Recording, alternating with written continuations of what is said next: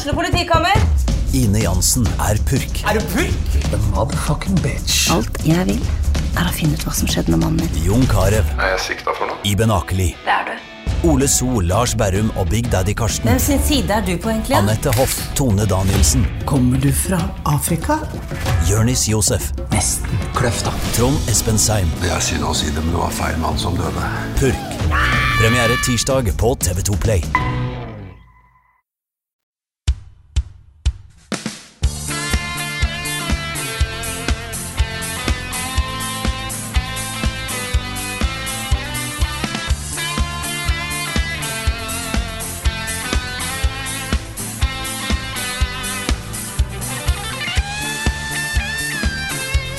Når denne episoden her kommer ut på din podkast-app, så er det fredag 5. mai. Eh, og med det så mener jeg ikke fredag 5. mai, jeg mener egentlig det er sju dager til Selda kom ut, og herregud Oh my god, det er sju dager til! Å, oh, fy fader. Dette her er en podkast. Eh, Podkasten Level Backup med meg, Frida Danmo. Med meg i dag har jeg Karl Martin Hogsnes og Rune Fjell Olsen. Eh, på en skala fra eh, jeg vet ikke, ja, fra 0 til 100, hvor hyped er vi for at Selda kommer ut neste uke, folkens? Go. Selda. Selda.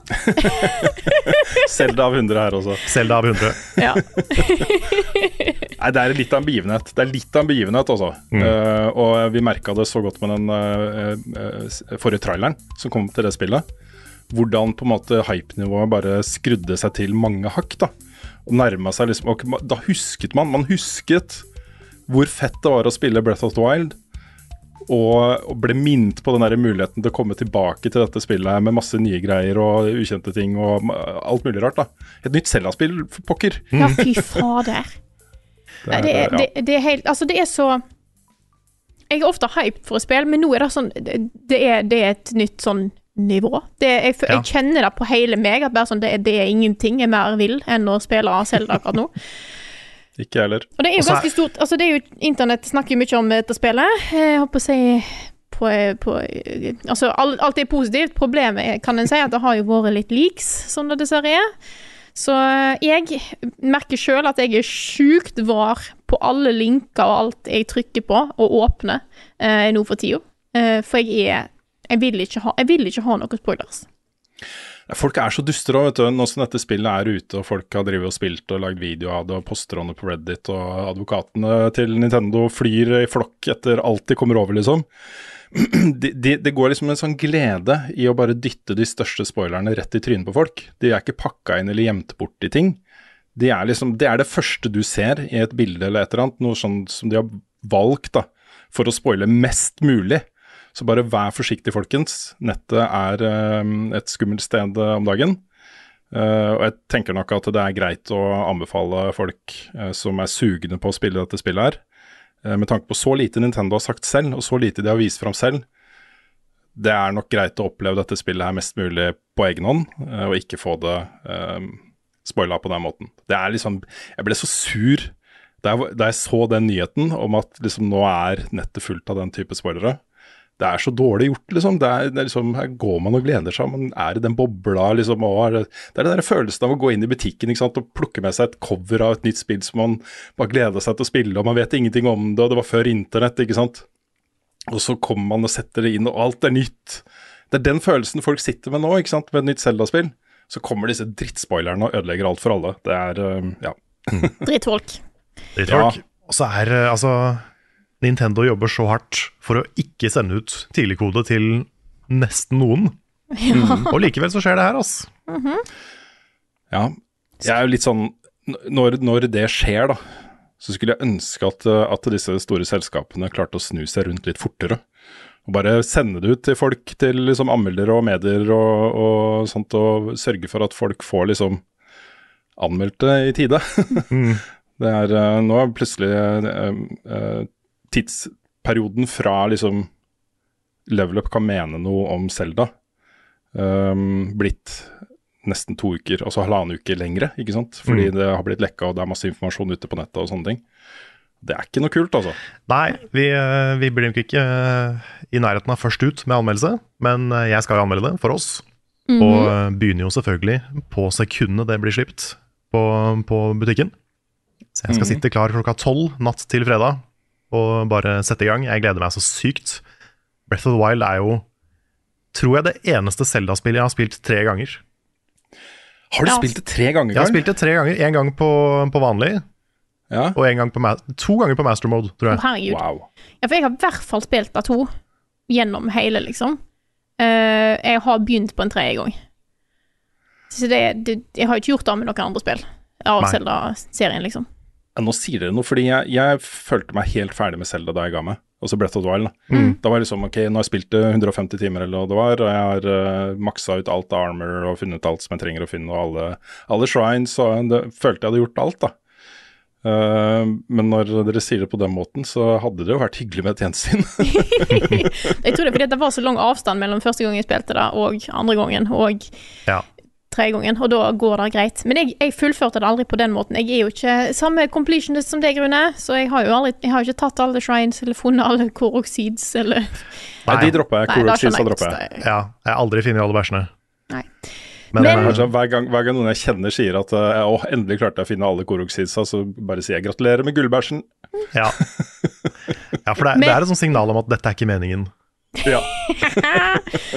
Men det er i hvert fall snart ute. Det blir eh, vi kom, Det kommer til å prege podkastene framover, men denne uka her, så eh, Så måtte Yes, det er hype. Og vi kan fortsatt snakke om andre spill. Mm. Så eh, Det fins andre spill. det, Det det. fins andre spill. det er litt Elden Ring uh, all over again, dette her, altså. Det er da.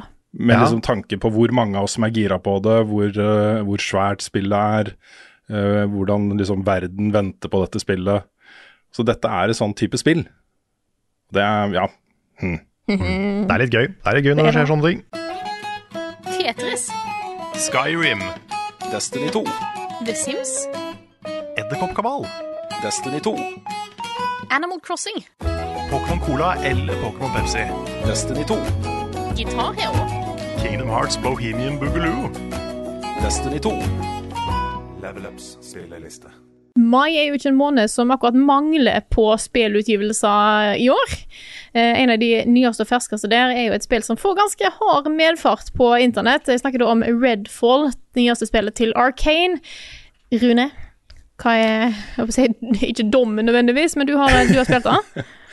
Jeg har spilt det, um, og i likhet med liksom resten av internett, så fikk jo ikke vi heller dette spillet tidlig. Nei. Um, det var jo et tegn. Det var et tegn jeg syntes det var veldig rart, for Microsoft pleier å sende ut kode i god tid før utgivelse. Ehm, så jeg tok en sånn klassisk eh, en for laget. Jeg tok en for laget eh, og satte meg ned med Redfall eh, da på, på tirsdag og onsdag for å uh, check a look, som det heter. Jeg holdt på, ikke på med noe annet om dagen, så, så det var, gikk helt fint. Og, Ingen andre, ikke ingen andre spill du heller vil Nei. spille? Nei. Nei. Ikke noe annet i det hele tatt. Nei. Um, jeg vil først få si at det er litt interessant Det, det virker på meg, da, litt Altså, det er så mange av disse uh, A blockbuster kjempespillene fra store studioer som er bra, også som blir godt tatt imot, og som får gode scores og gjennomsnitt på 7-8 på Metacritic og, uh, og sånne ting. Det virker på meg som om internett er litt sånn letta og, og litt sånn glad når ett av dem ikke innfrir. Fordi folk peiler så skikkelig på, da. eh, Så negativ eh, strøm av tilbakemeldinger på den type spill, som ikke lever opp til forventningene. Det er, det er en litt sånn skadefryd i det. Det er Ja. et eller annet med den derre stemninga som piskes opp, som jeg syns er litt sånn kjip, da. Er det, er det det at alle har lyst til å være litt angry video game nerd? Ja, det er nok litt det også. Um, nå, nå er nok uh, det- er en del sånne tilleggsmomenter som, uh, som tilsettes miksen som en slags sånn spicy krydder. Uh, og det er jo litt den derre hva, hva skjer med Microsoft om dagen? Hvorfor kommer ikke det flere gode spill til, eksklusive spill til Xbox? Hva med alle disse oppkjøpene? Når skal de begynne å innfri disse spillene her, liksom? Så, så det er nok et sånt tilleggsmoment her, da. Men dette er jo Arcane Austin, skaperne av uh, Prey, blant annet. Uh, og også da um, i samme paraply som de som har lagd Dishonored-spillene, uh, Deathloop. Uh, det er DNA helt tilbake til Thief og System Shock her. System Shock var jeg usikker på Jeg lurer på om det også er noen av de folka som har jobba på det. Jeg er litt usikker, men i hvert fall er dette et veldig høyt elska studio. Et av de mest elska studiene, og respekterte, for en serie med kvalitetsspill. Eh, og så kommer da Redfall, eh, og er ikke i nærheten av like bra da, som eh, de tidligere spillene. Det kan jeg bekrefte. Eh, det er ikke like bra som Dishonored, det er ikke like bra som Prey um, eller Deathloop. Dette er, en, dette er betydelig lavere kvalitet, all round, liksom. Det er Mm. ikke i samme gate som de spillene, um, syns jeg, da. Men Eh, hva er det f.eks. som mangler? holdt på å si? Er det, er det bare generelt lite polish? Er det buggy? Er det bare kjedelig? Er det Det virker som om det har vært en konflikt her mellom hva enten eierne eller studioet ønsker å lage, og det utviklerne ønsker å lage. Det virker nesten som om utviklerne er på et punkt i prosessen her har gitt litt opp, og ikke helt liksom fullført Fordi dette kunne blitt Dette kunne blitt en sånn type Destiny Games as a Service-opplevelse. Um, eh, og det kunne ha blitt en type Dishonored kvalitets solo- og coop-opplevelse. Men det er på en måte ingen av delene eh, fullt ut. Mm. Eh, så det er verken fugl eller fisk, og den, den har på en måte ikke gått all in på en av delene, og ikke ehm, Man merker så godt at her er det på en måte den siste kjærligheten som mangler. da. Det virker ikke som de utviklerne har hatt lyst til å lage dette spillet, eller at de har kommet et stykke på vei og så på en måte lagt det litt fra seg. Uh, jeg har en teori da, om at um, uh, Fordi dette spillet her var under utvikling da Microsoft kjøpte opp uh, Arcane. Um, jeg, jeg har en teori om at uh, Microsoft har sett på liksom alle disse studiene de kjøpte opp, uh, spill de har i produksjon, uh, ut med ønsker og, og, og kanskje til og med i noen tilfeller krav om hva slags spill de skal lage. Jeg tror et av de spillene er mest sannsynlig Dishonored 3. Eh, kanskje til og med et nytt Thieves-spill eller et eller annet hvis de har lisensen på det.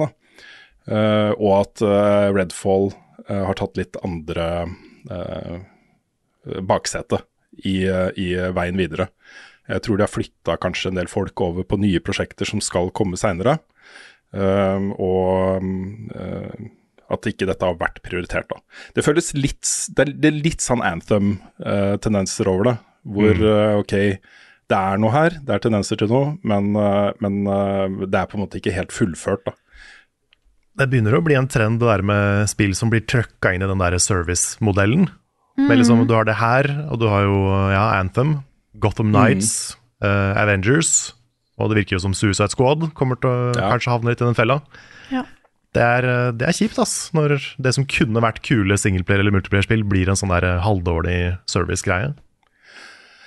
Ja, altså uh, Games as a Service, uh, det er mange som snakker om at det er allerede dødt. At det er en sånn uh, flogging a dead horse-type situasjon. Jeg er ikke helt enig i det. Hvis du først lager, altså hvis uh, The Last of Us uh, multiplayer-spillet blir dritbra, eh, og du har liksom survival-elementer som lever over lang tid, og eh, persistent verden og disse tingene, så, så vil folk spille det over lang tid som et Games as a Service-hobbyspill. Mm. Eh, det samme gjelder liksom, kommer det et like bra spill som Destiny, ditto liksom. Men det er de derre vi, vi har også lyst på disse abonnentinntektene og, og skins-pengene og, og sånt. at det er det som er motivasjonen, så, så faller man fort litt eh, mellom to stoler, da. Eh, det har nok eh, skjedd litt her. Når det er sagt, da, så er jeg ikke blant de som mener dette her er ræva bånd i bøtta. Eh, dette er, eh, det har en del ved seg som jeg syns var gøy og underholdende. Det er veldig sånn stemningsfullt og et kult sted å være. Eh, mange stilige våpen. Eh, det er gøy med vampyrer. Det er ikke så ofte jeg ser vampyrer i spill på den måten her. Um, og, og det er litt sånn Du kommer til Du kommer til Redfall ikke sant, uh, langs kysten der og finner en, en brannstasjon, som blir det første safehouset ditt. Og så føles det litt som å bare, bare gå fra, fra hus til hus og utrydde vampyrer. Rense nabolag for nabolag, da. Uh, det er liksom banke på 'er det noen vampyrer her?' så kommer de inn og plaffer løs, og så er det ikke noen vampyrer der lenger. Um, og Det er litt sånn tilfredsstillende. Det er et eller annet med det som jeg syns er uh, veldig ok. da. Uh, det er samtidig veldig forvirrende. Det var sånn, de, Allerede fra første, de første oppdragene jeg fikk, så skjønte jeg ikke helt hva jeg skulle gjøre. Det krasjlander to helikoptre som jeg skal ut og finne, og secure the land, eh, crash height, liksom.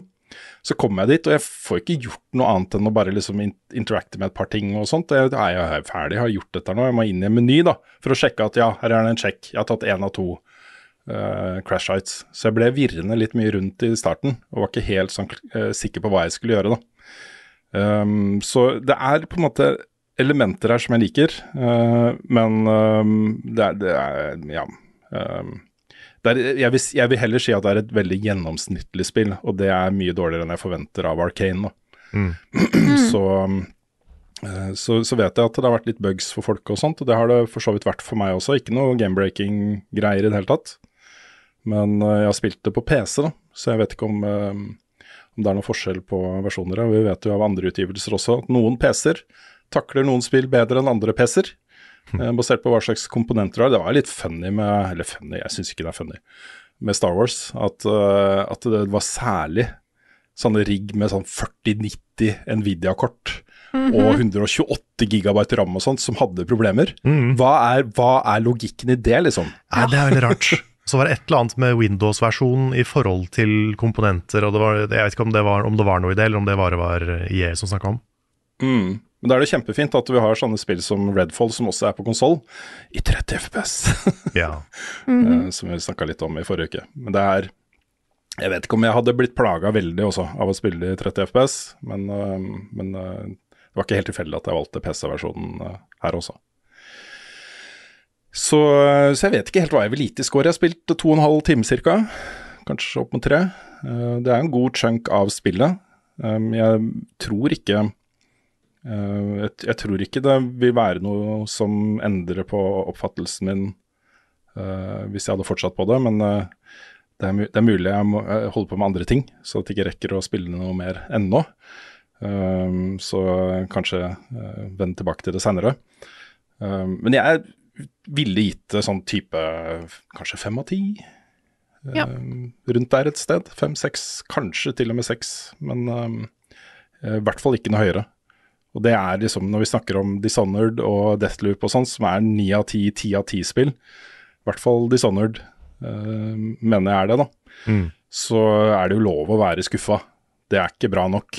Dette er ikke det man forventer av Arcane også, og det er ikke det man forventer av, av um, eh, et eh, studio Microsoft har kjøpt opp for å lage kvalitetsopplevelser til Xbox. Det må være bedre enn en dette her også. Ta en liten avstikker um, uh, derfra. Jeg nevner også, Det er jo selvfølgelig på GamePass, så jeg, jeg har ikke betalt penger for det. Så jeg kan ikke gå og kreve pengene mine tilbake. Jeg betaler for GamePass, og det kommer jeg til å gjøre til det ikke eksisterer noe GamePass lenger. Det er en veldig god tjeneste. Uh, men bare sånn lite sidespor som jeg syns var interessant å touche innom. Eh, det er jo den derre hvor er spillene til Xbox? Hvor er de eksklusive spillene? Hvor, når får vi se noe av alle disse studiene som Microsoft har kjøpt opp? Uh, kom igjen, Microsoft, hva er det dere holder på med? Den type liksom, diskusjoner. Uh, og nå er det jo en uh, Xbox Game Showcase den 11. juni klokka sju norsk tid. hvor, hvor Microsoft nå har gått ut og sagt at nå skal vi vise fram det vi har. Dette, dette blir den store, liksom. Nå får dere se hva vi jobber med, hva som kommer til Xbox. Uh, inkludert da en egen Starfield-showcase rett etter den vanlige pressekonferansen til Microsoft. Så det blir Microsoft hele den kvelden. Livestream på Level Up Nord på Twitch, vil Of jeg course, anta. of course, det må gjøre. Ja. Eh, men folk har liksom en tendens til å krisemaksimere, og det ser jeg ikke noe grunn til ennå. Eh, det er bare ett til to år siden Microsoft kjøpte opp alle disse stud studioene her. Det tar fire, fem, seks, sju år å lage eh, den type trippel A kjempespillopplevelse som man forventer da disse selskapene her. Uh, og d- d- bare ha litt is i magen, det kommer. Og så vet vi jo allerede at, uh, at det er flere spill enn Starfield på gang. Det er ikke det eneste beinet Xbox har å stå på. Du har et nytt Forza Motorsport. Eh, vi vet at det kommer et Fable 4. Vi vet at det kommer et Hellblade 2. Eh, Obsidian kommer med Avowed, som blir PC og Xbox exclusive. Um, Rare jobber med Wildfire. Uh, du har et nytt Perfect Dark, som vi sikkert kunne ha uh, snakka litt negativt om også, basert på feedback fra det teamet. Eh, et nytt Gears har blitt uh, hinta om. Uh, de sier det kommer mer Halo. De har jo kjøpt opp Double Fine. Eh, de har kjøpt opp id Software. eh, Ja. Machine Games. Vi vet ikke hva Double Fine jobber med nå. Nei. Niks. Og det går rykter om at Machine Games jobber med et nytt uh, fullstappa Wolfenstein, f.eks. Nice, nice. Mm. Så, så det, er, det, er, ikke noe grunn til å krisemaksimere. Dette, det, disse oppkjøpene Microsoft har gjort, er uh, for the long run. Dette er ikke for å, å gi en sånn umiddelbar vitamininnsprøyting uh, med steroider. Det er både vitaminer og steroider, det går jo ikke.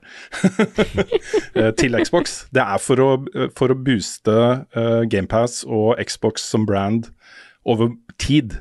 Ikke sant? De, de, ga jo seg med spillutvikling for mange mange år siden, hvor de sa at ok, nå gidder vi ikke det lenger, det er ikke der pengene ligger, og nå skal vi satse bare på service og, og, uh, og sånne ting. Um, beholder noen studioer, vi beholder liksom Turn 10 og 343 og Gears-utviklerne uh, og sånne ting, men alle de andre, vi lar de gå. Det er helt greit, vi trenger ikke å ha så mange eksklusive spill til Xbox, det går fint. Og så ombestemte de seg, ikke sant. Og det er jo en kjempestor snuoperasjon. Det er ikke gjort over natta at alle, alle de greiene der kommer. Så der er ikke jeg like stressa som det jeg ser enkelte stemmer på internett er, da. Så um, for å oppsummere, så um, Redfall er, tror jeg det kan være greit å, uh, å skippe. Har du GamePass, sjekk det ut. Det var elementer der som jeg syns var helt ok. Uh, og jeg må innrømme at det koste meg litt. Jeg syns det var en veldig stemningsfull setting. Uh, mye kule våpen. Jeg likte å ha sånne staker på, på, shotguns og sånt. Så du kan skyte disse vampyrene, og så kjøre den trestakene rett inn i dem. Det høres kanskje hvis det, er lov, hvis det er lov å si? Jeg vet ikke om det er lov å si. Jeg, jeg, ja. Når jeg snakker om vampyrer og dreper vampyrer, så må det være Ja, da må det være lov å si. Men du får også sånne UV-lysvåpen og sånne ting. Og det er litt stilig, altså. Når alt er mørkt og du går rundt og du Det eneste måte å drepe disse vampyrene på er med ild eller sånn UV-lys eller uh, Stake Through the Heart. Det, er, det, blir en ganske kul, uh, kul spillbarhet av det. Det er noe her. Det virker som, som at de har hatt veldig mange kule konsept, men at noe har gått galt i gjennomføringen. Mm. Men, mm. men, kan det reddes, eller er det mer sånn move on? Ja, dette er move on. Ja, er, jeg kan nesten garantere det. Ja, de, de, kommer ikke til å til, også, For å redde Redfall så må du enten dytte den mye mer over i retning av kule co-op-opplevelser. Mm. Uh, og Det har jeg ikke testa selv, da, men jeg hørte, at, uh, jeg hørte noen snakke om at progresjon ikke er delt når du spiller co-op. Og da er det liksom ikke hva, hva, er poenget da i et sånt type spill? Liksom hvis ikke du får progresjon fordi du er inne hos kompisen din og hjelper han eller henne i et sånt type spill. Det, dette er ikke sånn spill hvor man går tilbake og, og grinder ut kulere våpen og sånt.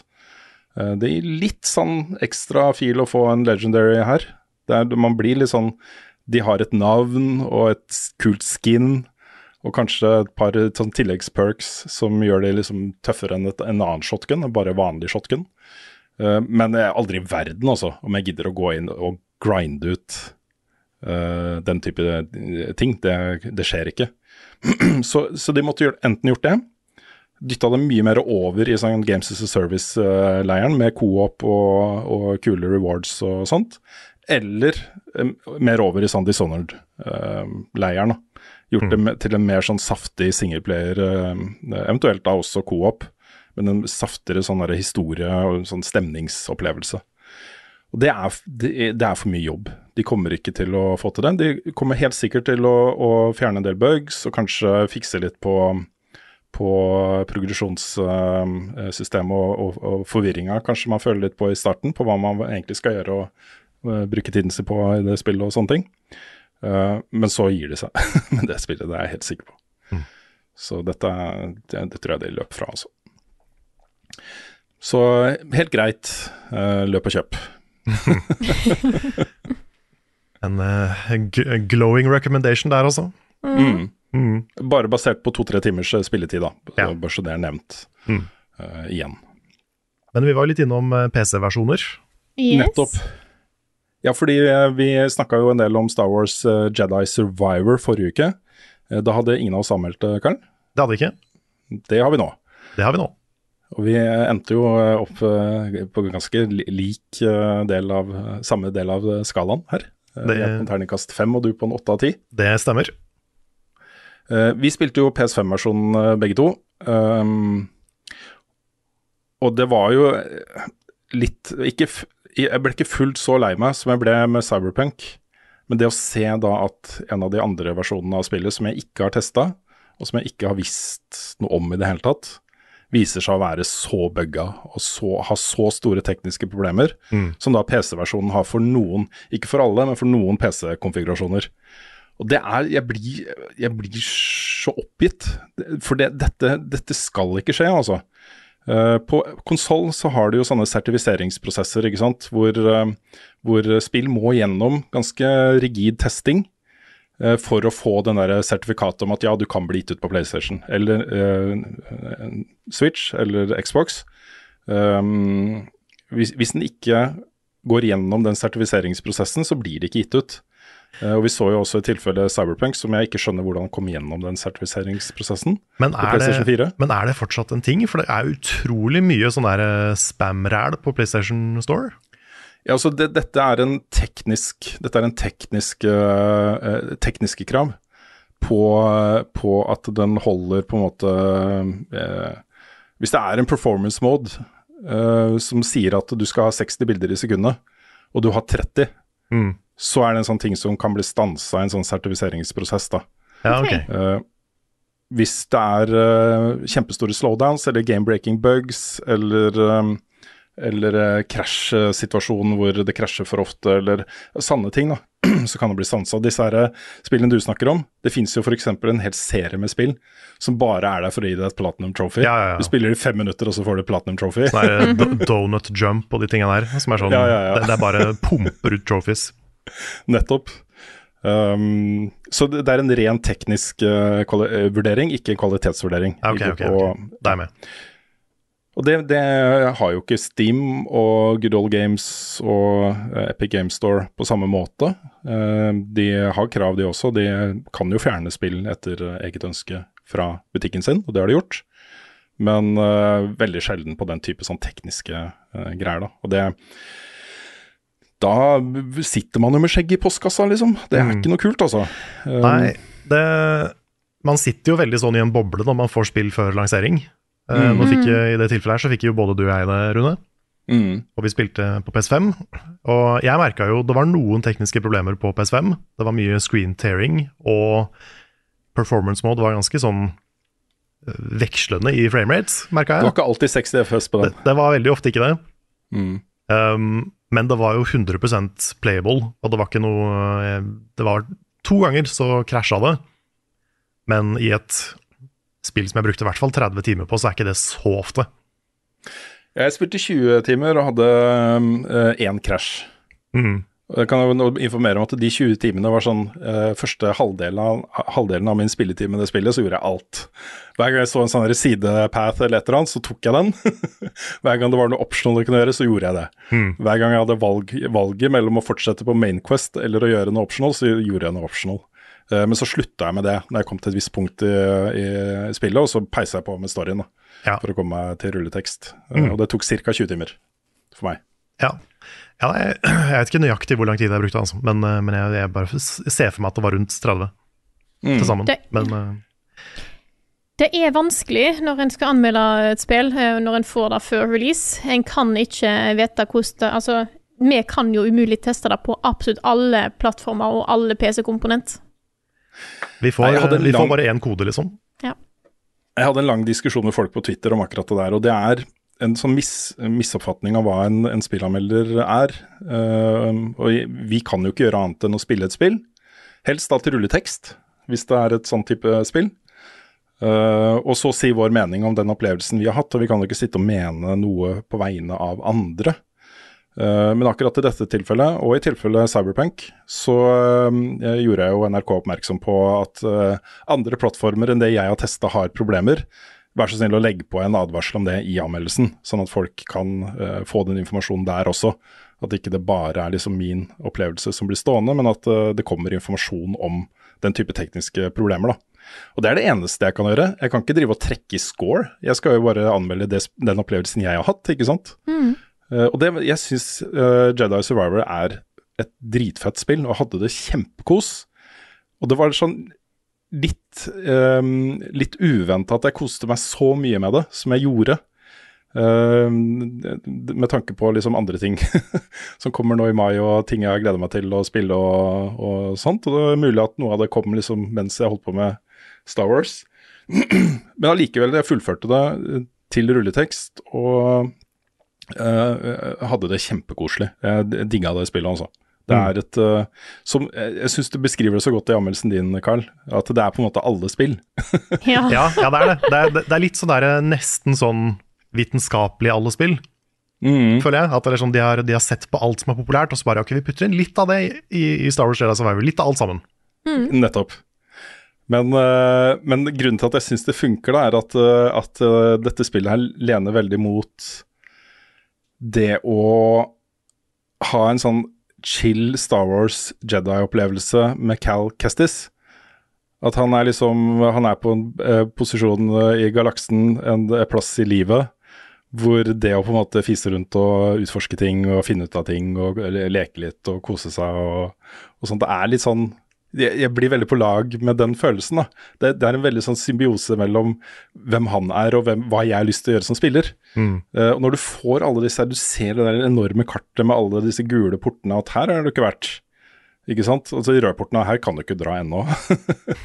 um, og vite liksom at bak de, ba, bak her er det ting som jeg kan finne og gjøre og sånt. En bart. Fylle meg med sånn derre mm, En, en bart.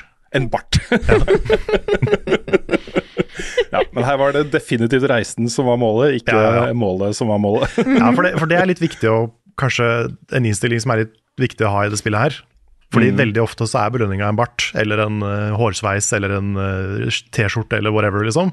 ja. Så det hender at du får noe mer kule gameplay-ting, men uh, det, det må være mer en sånn utforsk fordi du liker å utforske. Mm. Men er det sånn Jeg husker ikke den derre crossguard-standen uh, Nei, stand.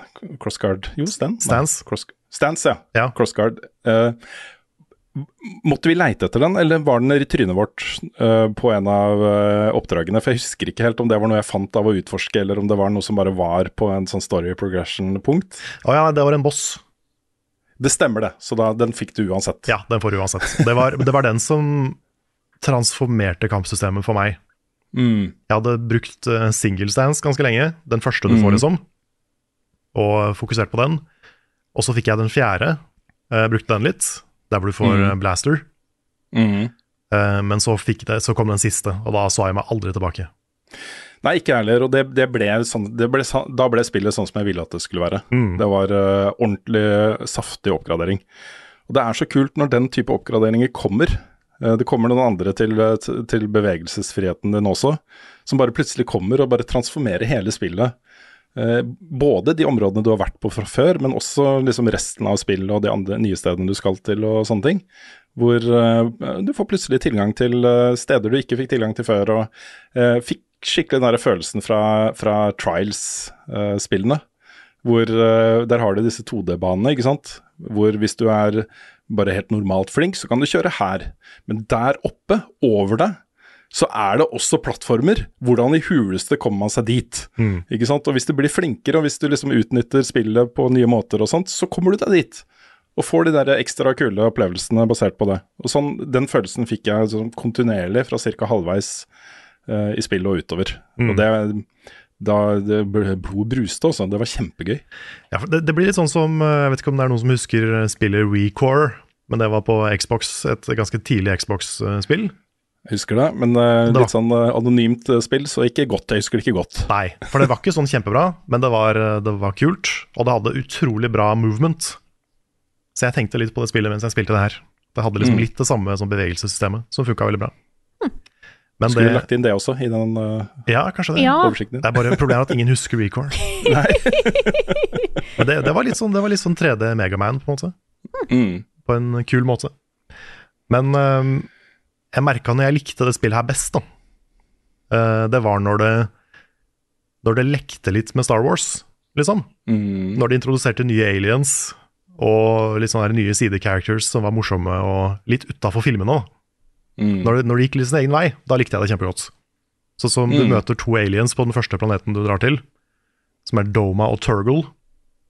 Og de to er kanskje de beste NPC-ene i spillet for meg. De er så morsomme. Turgle er jo han som spiller Raz i Psychonauts. Ja, det har Ja, jeg. nettopp. Ja, og han er jo så, du kjenner han igjen med en gang. Mm. Men han er en så herlig karakter, og Doma også er sånn utrolig sånn sjarmerende eh, karakter.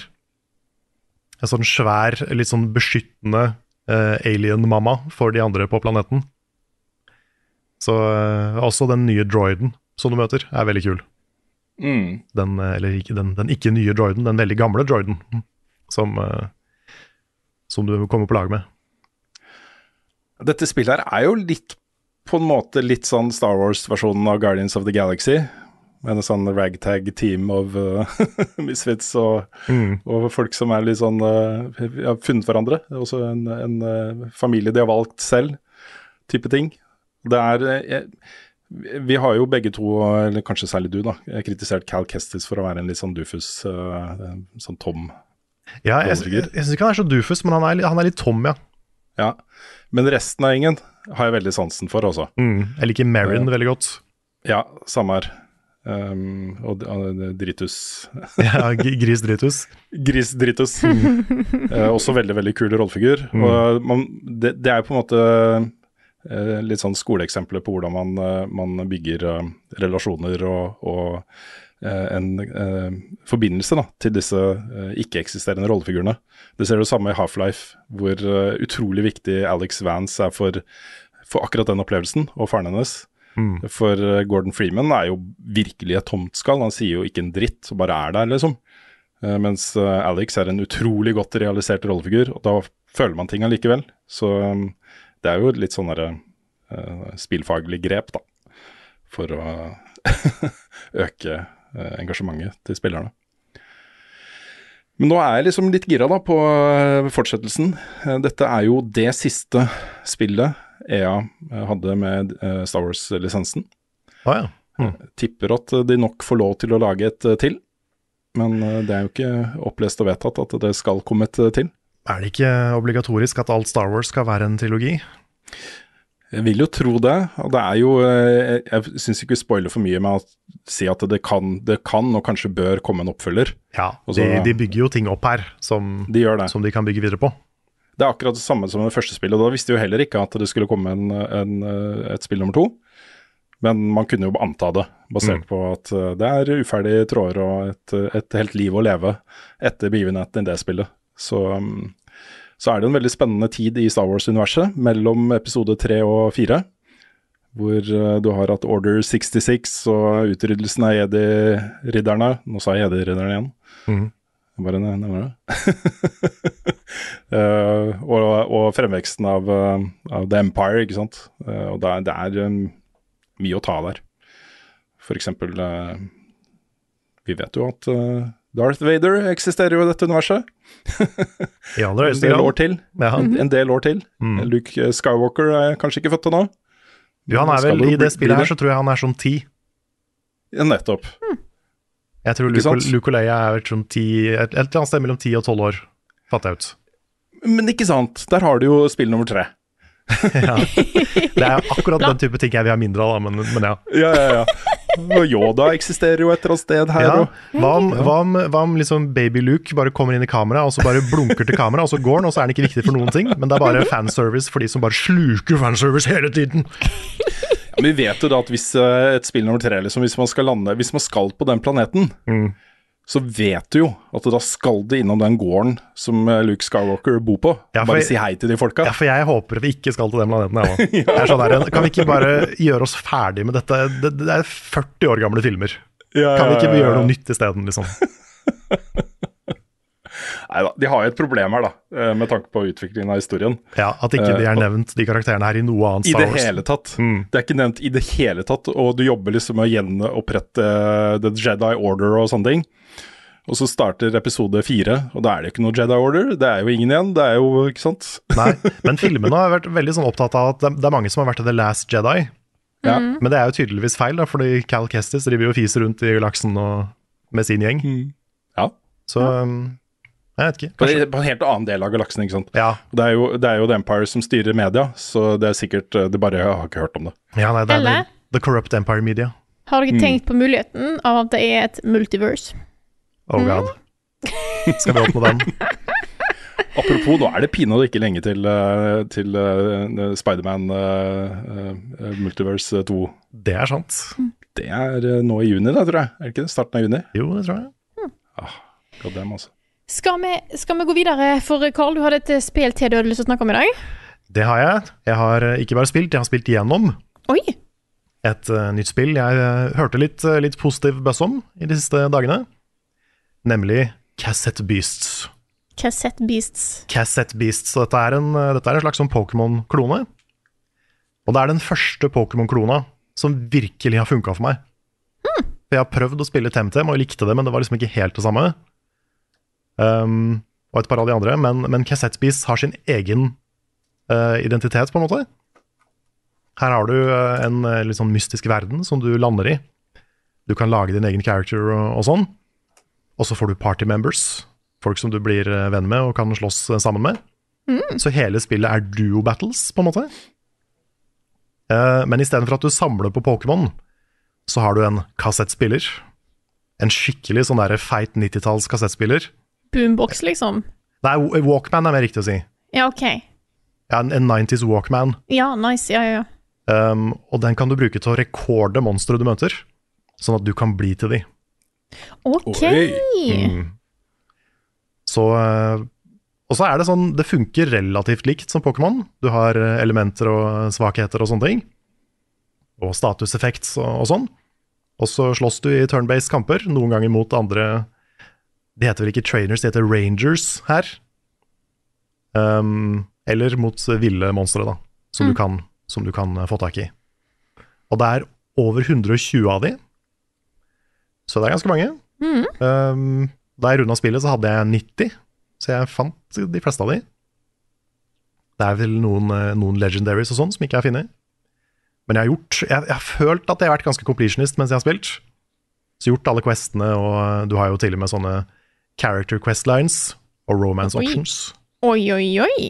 Så eh, selvfølgelig hadde Så selvfølgelig did, I did the romance. Hva da? Mm. Um, og så er det jo litt sånn Jeg venta litt på at historien kanskje skulle bli litt mer eh, enn den var. Fordi de hinter om at liksom, den kommer til å bli Mye pga. musikken, da. Fordi du, du, du starter i en by hvor, eh, hvor det er en veldig sånn rolig, koselig vibe, men, men med en sånn trist sang. Som også er veldig fin og avslappende. Men da, blir, da havner du i veldig den derre emotional 90s pop-viben. Som tydeligvis funka ekstremt bra på meg. Jeg bare sånn, Med en gang jeg hørte den sangen, så var det sånn Åh, her vil jeg være i mange timer. Det var så behagelig.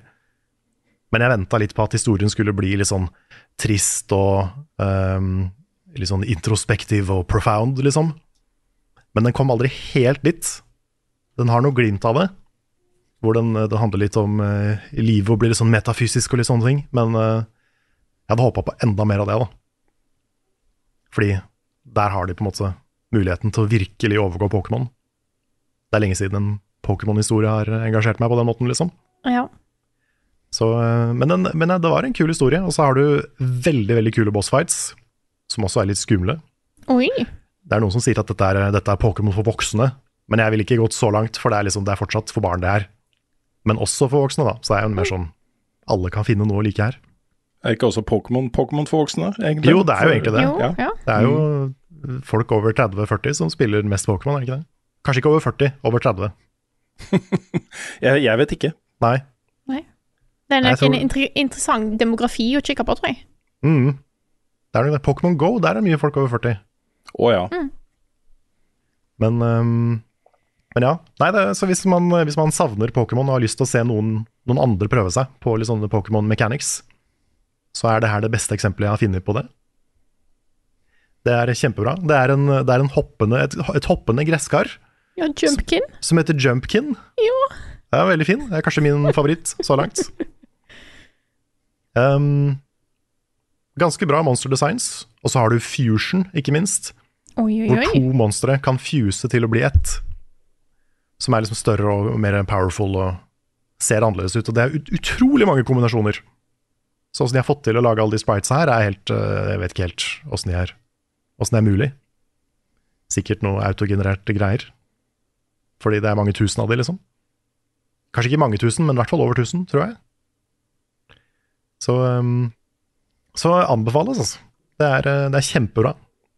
Jeg koste meg skikkelig med det. Og musikken er jo, bare for å gi enda en shout-out til musikken, den er dritkul. Nice. Det er litt er- sånn, li- litt sånn Pokémon møter Persona. OK, kult. Hvor er det en kan finne Cassette Beast? Det er ute på Steam i fullversjon. Det kommer også, tror jeg nå i mai, på Switch og PlayStation. Kanskje Xbox, det er jeg ikke helt sikker på. Men det er i hvert fall ute på Steam. Så check a look. Skal jeg eh, ta over? Do it. Nå som jeg er ferdig med Tesla Grad 2-anmeldelsen min, så eh, hopper jeg videre på noe som eh, også kom eh, tidlig forrige uke. Jeg tror jeg, jeg har mista helt kontroll på tid. Jeg tror det var forrige uke. Det er i hvert fall DLC-en til Xenoblade Chronicles 3. Den som heter Future Redeemed, er det den heter? Fordi den forrige, tidligere sånn het Future Connected, det var en annen en. De liker disse navnene. Eh, dette her er jo en em, DLC som er satt i tida før hovedspillet, og skal jo være en slags sånn dra alle spillene sammen-type ting. Ja, for det Eh, hadde jeg tenkt å spørre deg om. Ja. Er det viktig å ha spilt 1 og 2 før man spiller den her? Så langt er jeg litt usikker. Ok. Eh, eh, for jeg har ikke spilt sånn kjempelenge ennå, da det må jeg innrømme. Du er fortsatt i den samme verden som du er i, i nummer tre. Du er i Ionios. Eh, du spiller som noen som er overlevere fra byen, som eh, en, en eh, kommer borti. eh, som er ute og skal finne andre, for jeg tror det er et eller annet som har skjedd med byen. Mobius er drittfolk igjen og gjør rare greier. Og så møter du, hjelper du da en eh, Du finner to stykk, to eh, fraksjoner som slåss mot hverandre, sånn som de gjør i Xenoblade Chronicles 3. Eh, de redder deg, frigjør de fra eh, fra måten de er bundet fast i denne her uendelige krigen på, og får med seg det i partyet. Så du er på en måte da to fra byen, og så én fra Egnes og én fra Keves. Eh, og slåss og gjør ting, eh, akkurat sånn som i Xenoblade Chronicles 3. Og så går du videre, og så møter du på Dette er ikke spoiler, for dette har jeg blitt vist. Shulk og Rex, som er hovedkarakterene fra Xenoblade Chronicles 1 og 2. Yes. De er godt voksne, eh, og jeg må si, jeg, så langt er jeg litt skuffa. For så langt har ikke Shulk sagt verken air slash eller backslash. Ja, det er for dårlig. Ja, det tenker jeg òg. Give the fans what they want. Ja. Luke sånn. Skywalker kom inn og blunk til kamera. Ja, sant, jeg Nei, nå tuller jeg litt her. Nei, um, det som er tingen, da, er da at det er veldig mye de samme mekanikkene.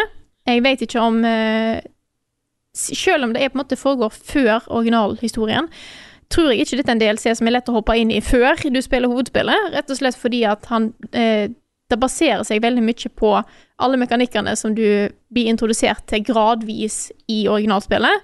Da kommer det ganske fort tilbake igjen, selv om de tar det stegvis. Så det er lett å komme inn i hvis en har glemt litt fra når en spilte original, eh, originalen for noen måneder siden. Jeg var litt sånn 'Å, herregud, hvordan skal jeg huske alle mekanikkene?'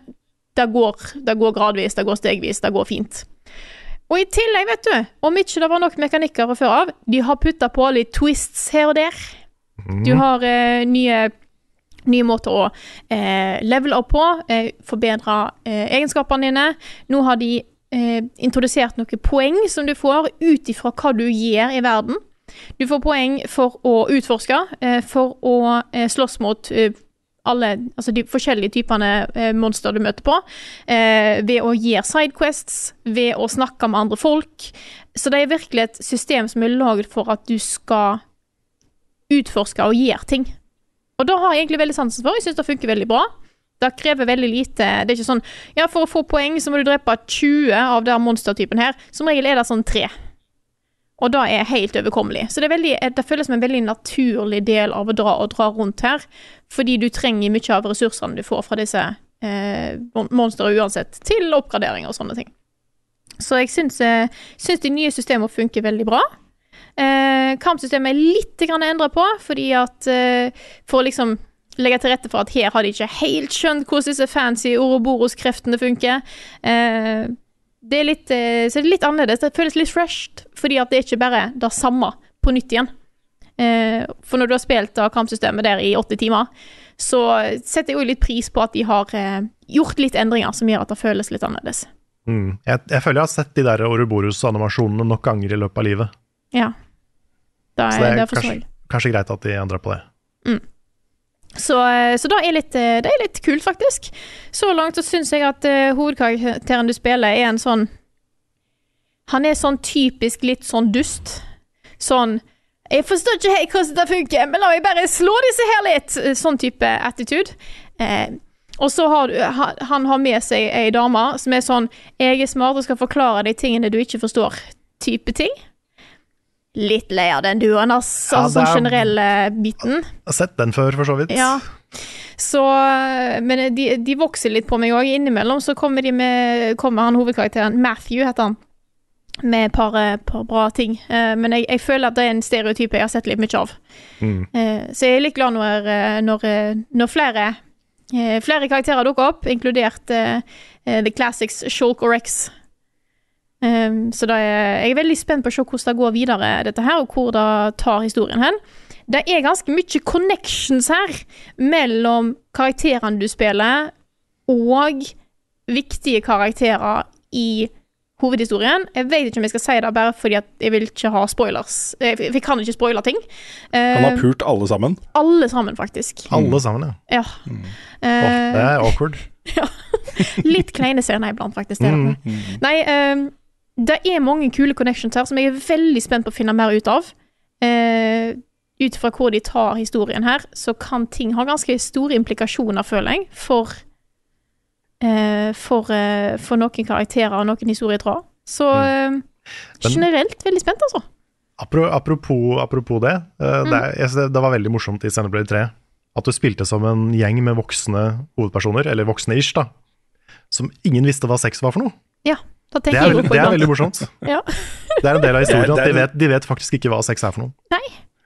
Det er sånn kjepphest jeg har med spillmediet, da. At det, det er så få som tør å røre det temaet. Ja, ja, ja. Skal man lage liksom spill for voksne og opplevelser for voksne, så er det jo den derre um, seksuell spenning, uh, seksuelle forhold, er jo på en måte en del av det å være voksen. Mm. Men og det er, inntil spillmediet tør å liksom ta ordentlig tak i det, så er det ikke helt voksent, det mediet også. nei, jeg, er helt, jeg er helt enig i det. Akkurat i Xenoblade så er det på en måte et plot point, Ja. så da Mm. blir det litt mer morsomt. Men, um, Mm. men jeg er helt enig sånn generelt. Wolfenstein, vet du, Wolfenstein The New Order. Ja, der Det er det. det beste måten, det beste representasjonen av eh, sex mellom eh, to consenting adults spillmedia har hatt, syns jeg. Det er bra, altså. Det er veldig bra. Det er det. Og så må jeg også si at jeg syns det er gøy å høre deg snakke om, eh, om denne den delscenen her, Frida. Fordi dette er en god, gammeldags, juicy delelse. Det er ikke en, Ja, ja. noe som er bare liksom pakka inn i spillet for å tjene litt ekstra penger. Det er en skikkelig delelse. Det er Dette er en campaign.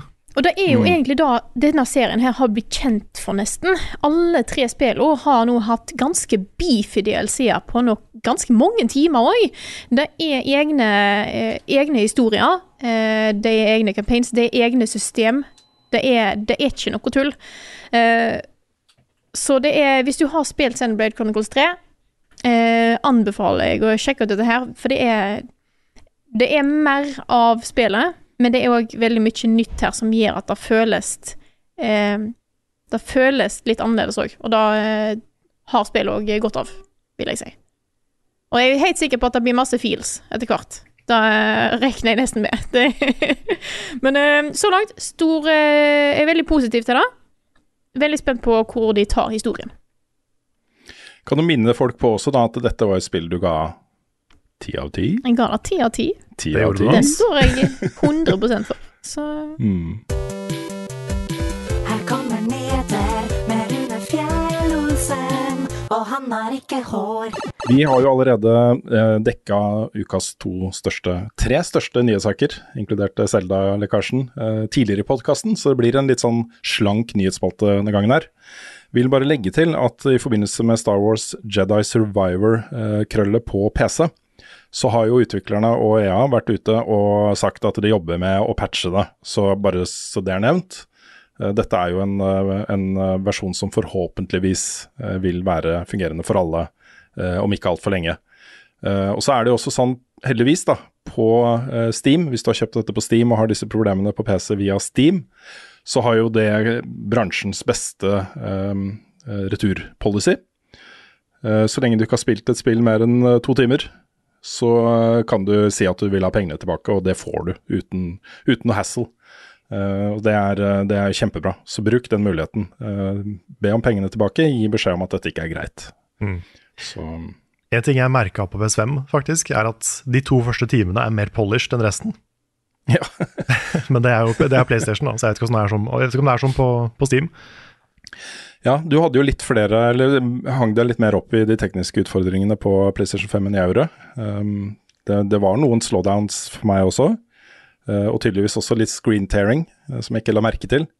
Um, men jeg syns ikke det var noe som var i nærheten av å liksom påvirke mitt uh, helhetsinntrykk av uh, det spillet, og tydeligvis ikke så mye at det påvirka det for deg heller, siden vi ga det omtrent samme score. Ja da. Nei, jeg, jeg ga det en, jeg ga det jo 8 av 10, Mhm. og jeg syns det fortjener det som spill. Det tekniske er sånn Det var verre før den første patchen kom, Mm. så det føltes feil å trekke det for en versjon som holdt på å si vanlige folk aldri får spilt, fordi det var før release. Mm. Men, um, men det var litt distraherende for meg, altså. På, på PS5 også, med spesielt den screen-tearinga. For jeg spilte jo i performance mode, Mm. og du slipper jo å få screen-tearing hvis du spiller i quality mode. Men da får du også mye lavere framerate, Mm. så det var ikke verdt det for meg. Det her er liksom behind the scenes, da, men vi hadde en, eh, en ganske lang diskusjon om akkurat dette her, eh, du og jeg. Mm. Uh, for du spurte meg om jeg har opplevd den type ting, og jeg bare sånn Nei, det kan jeg ikke huske å ha gjort. Da hadde jeg spilt i sju-åtte timer eller noe sånt. Mm. Uh, og så Jeg sendte da opptak og sånn til og med, det er jo ikke noe her. Og så bare du tilbake da med zooma inn. You see her! See her! Men, det er, men jeg tror det er forskjellen Jeg tror faktisk det er forskjellen på at du spiller på monitor, Ja, og jeg spiller på en svær TV. ja, det kan hende. Jeg tror forskjellen ligger der, altså. At det er mye mer Kan merkbart når det er større bilde. Ja, anyway. Vi har uh, allerede snakka masse om det, så vi skal ikke uh, snakke så mye mer om det. Uh, det andre, den siste nyheten var selvfølgelig Microsoft og Redfall-lanseringen, som vi også da har dekket grundig.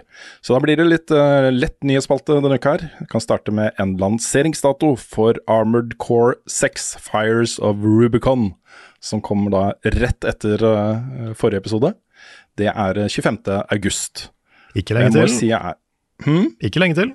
det er ikke lenge til. Jeg må si jeg er veldig spent også, fordi jeg er ikke noe sånn superfan av Mech-spill. Jeg har spilt en del av de. Noen av de har vært ganske kule, men i korte doser. Jeg kan spille det liksom en halvtime, og så føler jeg meg litt metta på svære maskiner som dæljer løs på hverandre. Mm.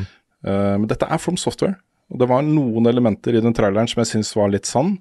At ja, dette har jeg spilt før og sett før, men det var også noen elementer som var liksom From Software, med svære bosser og litt kule mekanikker og eh, avanserte abilities og veldig mye movement. Det var Mm. mye kjappe bevegelser og dodging og, sånt. Og da ble jeg mer interessert med en gang. Så jeg er litt spent hvordan verden tar imot det neste spillet fra From Software. Det er litt sånn som uh, Dpad som gir ut Vikings on trampolines etter uh, Owlboy. Det tror jeg var en sammenligning jeg har kjørt før også. Mm. Ja, det, altså, jeg er veldig spent. Mech, eh, den type Mech-spill har aldri appellert til meg heller. Men uh, spørsmålet er om liksom, er gameplayet så bra at, den, at jeg klarer å komme meg inn i den sjangeren. Jeg må ta en annen liten behind the scenes, en litt sånn søt behind the scenes uh, på akkurat det der. Fordi uh, hvis det er From Software, så er det liksom opplest og vedtatt at eh, det er det Carl og Svens som håndterer. Så eh, Nick kom da og spurte sånn forsiktig, pent Er det Kan jeg være så snill få lov til å anmelde Armor Core 6? Og hadde forventa å få en nei. Men alle var sånn Vet du hva, vi lar det spillet gå til den personen som nå, for å forberede seg, har spilt opp igjen de tidligere Armor Core-spillene, for å bare ha liksom det frist i minne når Ja. man skal gå i gang med nummer seks. Så Så det blir, det blir Nick. det blir Nick. Yes. Det blir Nick. Og det er helt greit for meg at han tar den. Altså. Det, er, Mm. eh, det er liksom selv om, jeg selv om jeg er From Software-geek så det holder, så har jeg liksom ikke Jeg har null erfaring med Armor Core.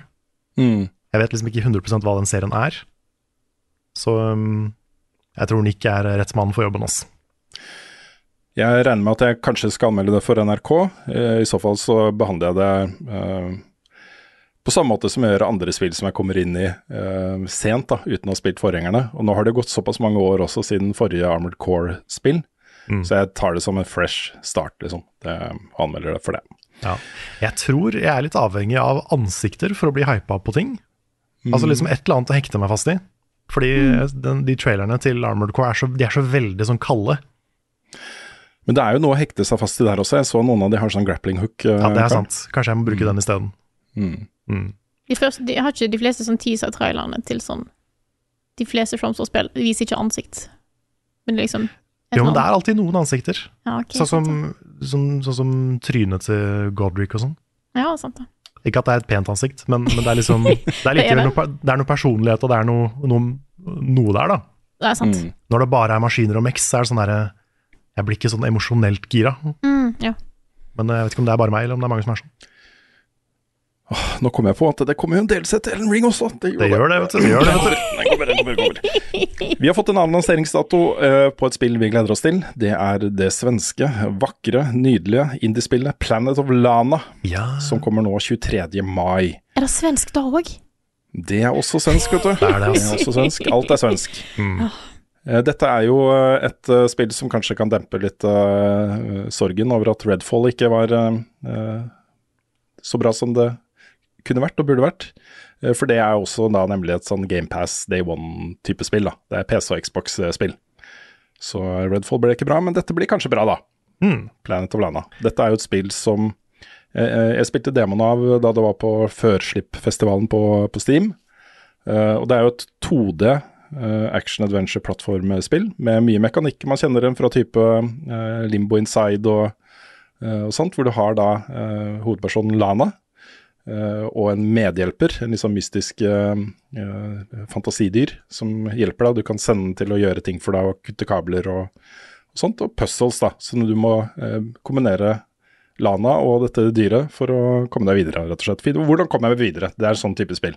Mm. Jeg tror på, Hvordan tror på svensk så heter spillet 'Den jævla landaplaneten'. Ja. Landamor. Yes. Yes.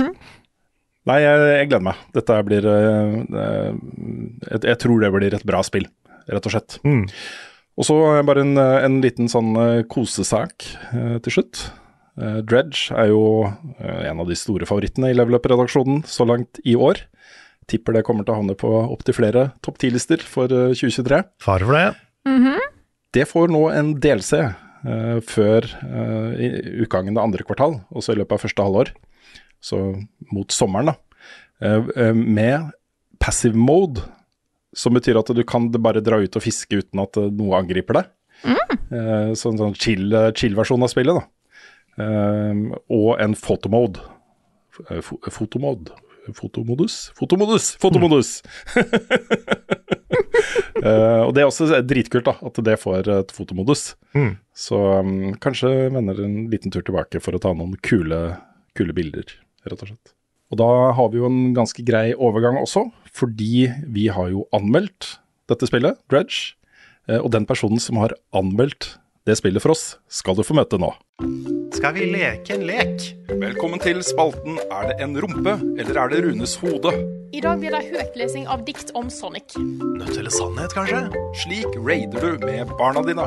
Dagens debatt hvem er egentlig best av Luigi og Mario? Wildcard-spalten. Oh boy, oh boy. For dere som følger med på YouTube-kanalen vår, så har dere kanskje sett at det har dukket opp et nytt ansikt. Vi har nemlig introdusert en ny anmelder i det siste. Eh, Det er faktisk eh, eh, Første anmeldelsen her var Dredge, et utrolig stilig spill vi har snakka masse om her i podkasten. Velkommen til oss, Tanja Pettersen. Hallo, hallo, hallo. Hei, Tanja. Velkommen. Hei. Takk. Det er veldig morsomt. Dette dette, har, dette er a long time coming. Fordi for når var det? Vi var i Kristiansand eh, på, på studentpuben for å ha podkast, livepodkast, uh, folkens. Når var, var det? ikke, var ikke det tidlig 2020? Var det det? Var det ikke sånn, ja, var det ikke sånn 2019? Jo, jeg, jeg tror det var før 2020. Ja, det var kanskje det. Det Jeg, jeg lurer på det. Men i, i så fall, der møtte vi jo deg. Ja, Etterpå du kom bort og spurte. Du hadde lyst til å jobbe med oss. ja jeg gjorde det. Det var, Ja. det var litt sånn Jeg satt jo på en måte Det var vel hele kvelden jeg satt. Og så bare litt sånn Ja, men jeg har jo lyst til å hilse. Jeg har jo veldig lyst til å gå bort og hilse. Så var det sånn Ja, men jeg tør ikke. Og så er det sånn Jo, nå gjør jeg det.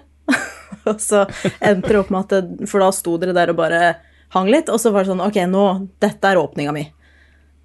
Og så Ja, funka jo det, da. Så du ble ikke skremt av Bjørn, for Bjørn var jo også med Nei. på den turen. Nei. Absolutt ikke. Eh, jeg lurer på um, Hvorfor hadde du lyst til å jobbe med oss? Det er alltid litt sånn spennende å høre hvorfor folk eh, søker seg til oss. Ja, uh, det er jo et veldig godt spørsmål. Jeg har jo, jeg har jo fulgt Level Up vel, i veldig mange år. Det var, er jo helt siden dere holdt på på VG. Eh, så var det sånn Jeg har vært interessert i spill så innmari lenge, og så tenker jeg at det, det er det jeg har lyst til å holde på med, i en eller annen form eller fasong. Så når dere da kom ned til Kristiansand og jeg hadde muligheten til å prate med dere, så var det litt sånn derre åh, det hadde vært så gøy å kunne jobbe med dere og kunne vært en del av det dere holder på med og sånn. Så ja. Du er jo også, dette er, har jeg misforstått nå, du skriver også anmeldelser for eh, Fevennen, gjør du det? Ja, det gjør jeg. Det har jeg gjort siden januar, så ikke sånn kjempelenge. Men eh, Nei. det er kjempespennende. Du, kan jo også, eh, du har jo en eh, flott introduksjonsvideo som ligger på YouTube-kanalen vår. Så anbefaler å sjekke ut den hvis ikke den har gjort det allerede. Men kan ikke du fortelle litt hvem, hvem er du? Jo, eh, hvor skal jeg begynne? jeg kommer opprinnelig fra Hønefoss. Eh, er 29 år, blir 30 i år. Um, har bodd i Kristiansand siden 2014, blir det vel. Eh, har tatt alle studie, altså hele studietida mi her. Eh, har en mastergrad i engelsk litteratur. Det høres veldig kjedelig ut. Det er ikke så kjedelig. Jeg syns ikke det høres kjedelig ut, jeg syns det høres kjempegøy ut. det, det, det er liksom sånn, det, det er litt misforstått, for det er liksom sånn, ja, vi sitter ikke bare og leser Shakespeare. Eh, vi, vi leser veldig mye annet gøy òg. Så, så det har vært flink Charles Dickens. Ja, ja, ja. Og vi hadde jo masse om science fiction og paranoia-litteratur. Så det er kjempemye spennende, altså. Mm. Så ja, eh, så valgte jeg å skrive både bachelor- og mastergraden min om, om spill, og hvordan på en måte litteraturmedie og spillmedie egentlig er veldig likt. Eh, møtte jo ganske mye motstand på det, da, men så er jeg jo er er jeg litt sta, så jeg hadde litt lyst til å gjøre det allikevel. Eh, så da satt jeg med den kompetansen og sånn, så tok jeg ett år etterpå eh, med PPU, altså praktisk pedagogisk utdanning, som gjør at jeg kan være lærer. Så det er på en måte det utdanningsbakgrunnen min, da. Fikk du med deg veilederne dine og sånt eh, på, på prosjektet til slutt, eller var de skeptiske hele veien? Eh, nei, jeg hadde en veldig veldig fin veileder, så han var, veldig, han var med på alt, egentlig. Eh, så lenge jeg kunne bevise det på en god måte. Eh, at argumentene mine var solide, og at eh, jeg ikke bare snakka om spill fordi jeg hadde lyst, men at det faktisk var noe grunnlag i det, da. Så var han med på laget hele veien. Så det var litt, det var litt verre med de sensorene som eh, kom fra litteraturfakultetet i Bergen eller Stavanger eller hva det var. De var litt sånn Hadde null kunnskap om spill. Eh, det var sånn Ja. Ja, sønnen min har spilt Minecraft, og det er det jeg kan om det. Mm, husker Pacman, liksom. Ja, Tannas, sånn er det for oss også. Ja. Og så Hver gang vi møter noen som, eh, og snakker med folk som, eh, som ikke kan om spill, så er det alltid sånn sønnen min eller nevøen min eller barne, barnebarnet mitt Ja. eller et eller annet spill, har spilt Minecraft. Ja. Så jeg vet så vidt hva Minecraft er. Det er eh, stort sett den forståelsen man får der. Ja. Mm. Ellers har de hørt om spillavhengighet også. Den Ja. også har jeg Ja. hørt mange ganger. Ja. ja. Spillet. Skumle greier, vet du. Ja, skumle ja, ja. Mm. Mm. Nytt og skummelt. Yes. Men apropos skummelt. Um, du viser jo i anmeldelsen din også en ganske hva skal man si, um, grei fascinasjon for uh, horrorlitteratur og horror generelt. Absolutt. Hva, hva, er, hva er bra med horror? Det å bli redd syns jeg er veldig interessant. Jeg syns det er fascinerende at vi, vi tiltrekkes mot å bli redde. Uh, altså Mm. folk som er glad i horror og sånne ting. Um, og jeg syns jo det er interessant sjøl på hvor Jeg elsker jo horrorfilmer og serier, men hvis jeg skal spille det, så blir jeg superpyse. Jeg får det ikke til. Det forstår jeg veldig godt. Eh, Så, så nå på en måte jobber jeg meg sakte, men sikkert gjennom Resident Evil-serien. Bare for å liksom eh, få den derre eh, Hva heter det for noe? Resiliens? mot det Måte. hva, eh, siden du ikke liker horrorspill, hva type spill er det som er eh, right up your alley? Åh, uh, The Last of Us elsker jeg jo. Um, jeg er veldig glad i Ghost of Tsushima. Må jeg prøve å huske på hva jeg nevnte i den videoanmeldelsen. Uh, eller videointroduksjon. Uh, introduksjon. Eh, det var vel Night in the Woods, sa jeg vel òg. to the Moon elsker jeg. Um, ja. Det, var, det er sikkert noe annet jeg sa i den videoen, men nå husker jeg ikke hva jeg sa. Men det er en del, en del spill med, med, der historie er viktig, da. Yes, absolutt. Og det eh, der historien er det som er fremtredende, er det jeg syns er veldig spennende, da.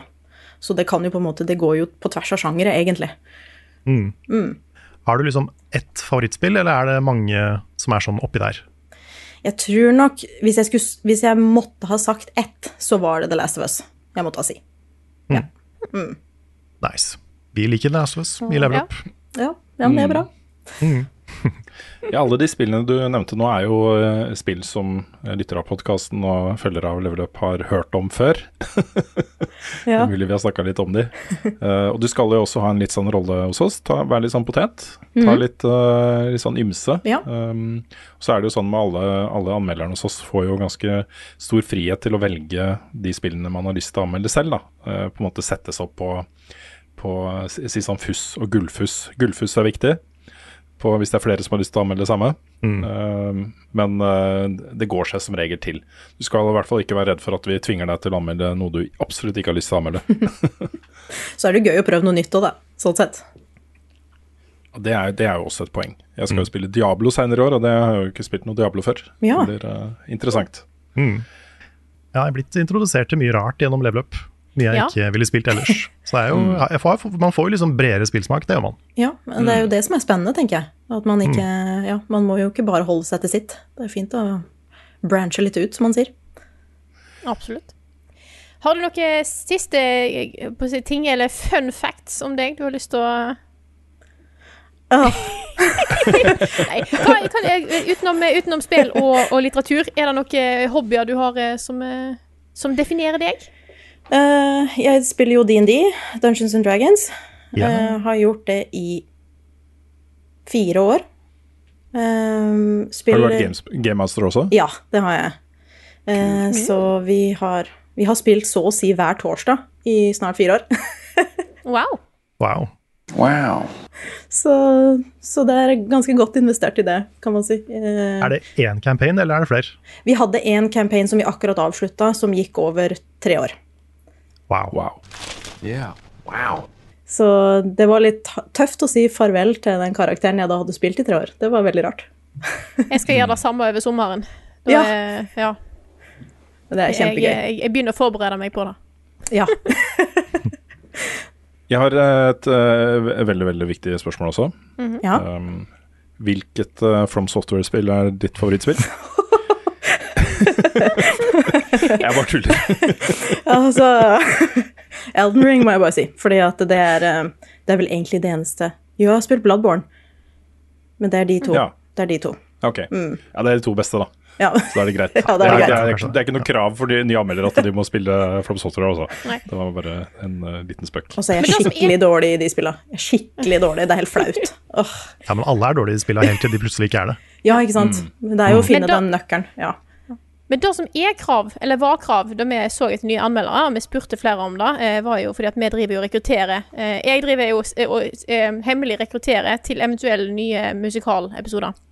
Og jeg så det var flere som kommenterte på dette her på introvideoen din, at du har en bassgitar. Ja. Jeg har en bass. Og så tenkte jeg ikke noe over at den var i bildet. Sånn at når folk begynte å kommentere på det, så var det sånn Åh, OK, nå, nå må jeg adressere det. Nei, for at den, den bassen det er egentlig bare blitt et sånn, en sånn sentimental verdi. Eh, Jeg spilte bass på videregående i tre år. På musikklinja. Mm. Og så har jeg veldig, veldig veldig mange gode minner med den bassen. eh, Og de konsertene som vi spilte på. Så det, jeg har bare aldri lagt den fra meg, på en måte. Så det, det er lenge siden jeg har spilt nå, altså. Så jeg ville ikke sagt at jeg kan spille bass lenger. Det er jo litt uh, relatert til uh, spillet du har meldt også. Da. Dredge er jo en, en eh, bass, ikke sant? Det er en bass. Ja. ja. Ja, ja Hvis du legger godvilja til, så er det en connection. Alt er planlagt, vet du. Mm. Klarte ikke å drive. Eh, Jeg har bare lyst til å nevne en siste ting før vi, vi må videre og sånt. Men jeg har lyst til å nevne en siste ting. Og det er at vi, da vi begynte å snakke med deg om den, den posisjonen her, Ja. så var det jo egentlig noe annet som gjorde at vi liksom begynte for alvor å snakke sammen. Eh, For du er også opptatt av uh, hvordan spill behandler mental helse. Ja. og, og um, mentale lidelser. Um, hvor kommer den interessen fra? Uh, det begynte vel egentlig når jeg skrev bacheloren. Uh, for da, da skrev jeg om The Walking Dead. og på en måte sammenligna sesong én, da, altså spillet sesong én, med tegneserien. Eh, og så Først så begynte jeg egentlig bare å sammenligne stil og sånn, for det er jo egentlig ganske lik stil. Um, men samtidig så tok de opp veldig mange av de samme temaene som tegneserien også tar opp. Og det var annet på dette med mental helse i en apokalypse osv. Så, um, så da begynte jeg å snakke litt om det, og så dro jeg egentlig det videre i masteren og sånn, og så der jeg snakka om Detroit Become Human, og dette her med uh, etikk og sånne ting i, uh, med tanke på roboter og alt sånne ting. Og så dro jeg bare det videre, og så har jeg egentlig bare blitt skikkelig interessert i det. Eh, og så bare lest meg veldig mye opp på det, da. For jeg syns det er utrolig fascinerende. F.eks. med Hellblade, eksempel. Hvordan de har gjort Mm. det, og researchen de gjør når de skal lage det spillet, osv. Så, videre. så syns det bare er utrolig fascinerende. Jeg bare ville nevne det fordi det kan hende at vi eh, i fellesskap eh, eh, dykker mer ned i det temaet. Det er et veldig veldig spennende og viktig tema som, som vi alle sammen har lyst til å gjøre mer på. Så, så det håper jeg vi får til fortsatt. Absolutt. Det håper jeg òg. Mm. Det blir veldig spennende å se eh, videre anmeldelser fra deg, Tanja. Jeg håper alle dere som hører på, og eh, gleder dere til det. Hvis ikke dere har sett eh, anmeldelsen av Dredge og introvideoen til Tanja som ligger på kanalen vår, så gå og gjør det! Takk for at du hadde lyst til å være med oss eh, her i dag og introdusere deg, Tanja. Veldig, veldig hyggelig. Tusen takk for at dere vil ha meg med. Og velkommen til oss. Tusen takk. Hva er dines best, hvor var fredag sist? Har Carl egentlig sopp? Ukens spørsmål. Vi starter med et viktig spørsmål i dag. Et spørsmål som vi òg faktisk diskuterte innad i redaksjonen for ikke altfor lenge siden, så det er nesten litt tilfeldig at det dukker opp. Eh, eller er det en tilfeldighet? Dette er et spørsmål fra Erik Hesthagen, som spør Er Bowser ei skilpadde, drage eller en dinosaur? Det er viktig, viktig ting. Jeg eh, For det, det, jeg visste ikke at det var en uenighet rundt dette her. For jeg trodde at det var bare på en måte eh, vedtatt at han er ei skilpadde. Ja, Mm. jeg har også alltid tenkt det. Men han er jo på en må Svaret er på en måte ja, for han er jo litt av alt. Han er litt dinosaur, litt drage, men mest skilpadde. Mm. Mm. Men er det ikke offisielt at han er skilpadde? Er ikke det Ja, vi, da vi gjorde research, Grunnen til at vi gjorde research, var at jeg fikk et spørsmål fra en jeg kjenner som skulle lage en eh, spillquiz. Eh, og han ville ikke ha noen eh, diskusjon rundt det spørsmålet. Han ville på en måte ha fasiten på hva han er, sånn at eh, han kunne gi riktig poengsum da, til lagene og sånt. Uh, og da var jeg også sånn, ja, er han ikke skilpadde, da? Uh, så begynte vi å gjøre litt research, og så dukka det opp flere teorier og sånt. Men han er jo kongen av skilpaddene, mm. ikke sant? Ja, og, um, King of the Koopas. Og Koopaen Ja. er jo skilpadder. De er jo definitivt skilpadder, og ikke noe drage eller uh, dinosaurer der, liksom. Um, så det er jo et hint, da, mener jeg. Mm. Og så ligner den jo veldig på, hva er det det heter, sånn snapping turtle? Nei. Jepp. Snapping turtle. Det er noen snapping turtle som er snappskilpadde, som det fint heter på norsk. Ja, så ok, greit, ja. Ja. Som, mm. som ser ganske onde ut. Mm, det er den derre kjeften og sånt, den er henta rett fra den skilpadden, da. Mm. Um, så, så jeg vil jo si at, uh, at han primært er en skilpadde. Ja. Som De- kan eh, eh, Som kan eh, Han kan blåse flamme. Mm. ja det er litt men få eh, snappskilpadder som kan det. en sint skilpadde. Veldig. Han, er, han er en Nintendo drageskilpadde. Eller skilpaddedrage. Ja. Mm. Men de gjør et poeng ut av, ut av det i Mario-filmen, at Bowser er en skilpadde. Mm. Det er jo en, eh, en turtle storyline. ja. Mm. Vi har jo fått et bonusspørsmål her. Er han en revtass, eller er han bare misforstått? Ja, ja for det Jeg syns måten de løste Bowser på i Mario-filmen, var veldig, veldig bra. Mm. For jeg forventa at han skulle være sånn full evil Bowser, ut fra trailerne og sånn. Men så Så er han jo litt mer sånn stakkarslig i filmen, Ja. og det syns jeg funker veldig bra. For som en litt sånn derre brautende taper, på en måte, så er Bowser veldig Mm. morsom. Ja. Mm. Han er, en, han er en artig bad guy, liksom. Mm. Jeg, eh, jeg, altså, jeg, å si at han er misforstått, er kanskje å ta litt i. Eh, men eh, men ta den mer den humoristiske biten. Litt sånn som måte, rivaleriet mellom Mario og Bowser er litt mot slutten av eh, Mario Odyssey, for eksempel. Jeg syns det er litt festlig. Mm. Det syns jeg. At han ikke på en måte er ond for å være Altså, han er ikke sånn pure evil, på en måte. Hvis det er mening. Han er sånn Han er han kiden som tror at han må mobbe de han er forelska i. Ja. Han er sånn Han er en incel. Han er, en han er, incel. han er litt incel. Ja. neste, neste filmen kommer til å handle om det, at Bowser er en incel. Mm. Sitter på Bowser. forumer og Ja, når Bowser forsvinner ned i internettforum. Nei, men det er jo en side, det er jo en side av filmen, og på en måte eh, karakteren Bowser i utgangspunktet, som jeg syns er litt, litt sånn småproblematisk. Ja. Fordi det lener jo veldig på at han, eh, han vil jo bare ha Peach, uansett hva hun vil. Mm. Og han, ikke sant, det, det er jo bare det han vil. Og selvfølgelig må hun være med på det, og hvis ikke hun vil være med på det, så tvinger jeg henne. Da det, tror jeg må drepe alle vennene hennes hvis ikke hun gifter seg med meg, liksom. Mm. Det, er, det er litt uh, Det er ja. er bra han blir stoppa, for å si det sånn. Ja. ja han er, altså, det er ikke noe tvil om at han er the bad guy. Mm. Men det er, jeg syns det er en Det er en ganske sånn morsom, men på en måte treffende framstilling av sånne folk. Mm. Som er selvfølgelig cartoonifisert og sånn, men, men den derre peak cartoon-villen. ja, Ja. Men sånn den der, Akkurat den greia er det som det er ekte mennesker som er litt sånn, Mm, og det er skummelt.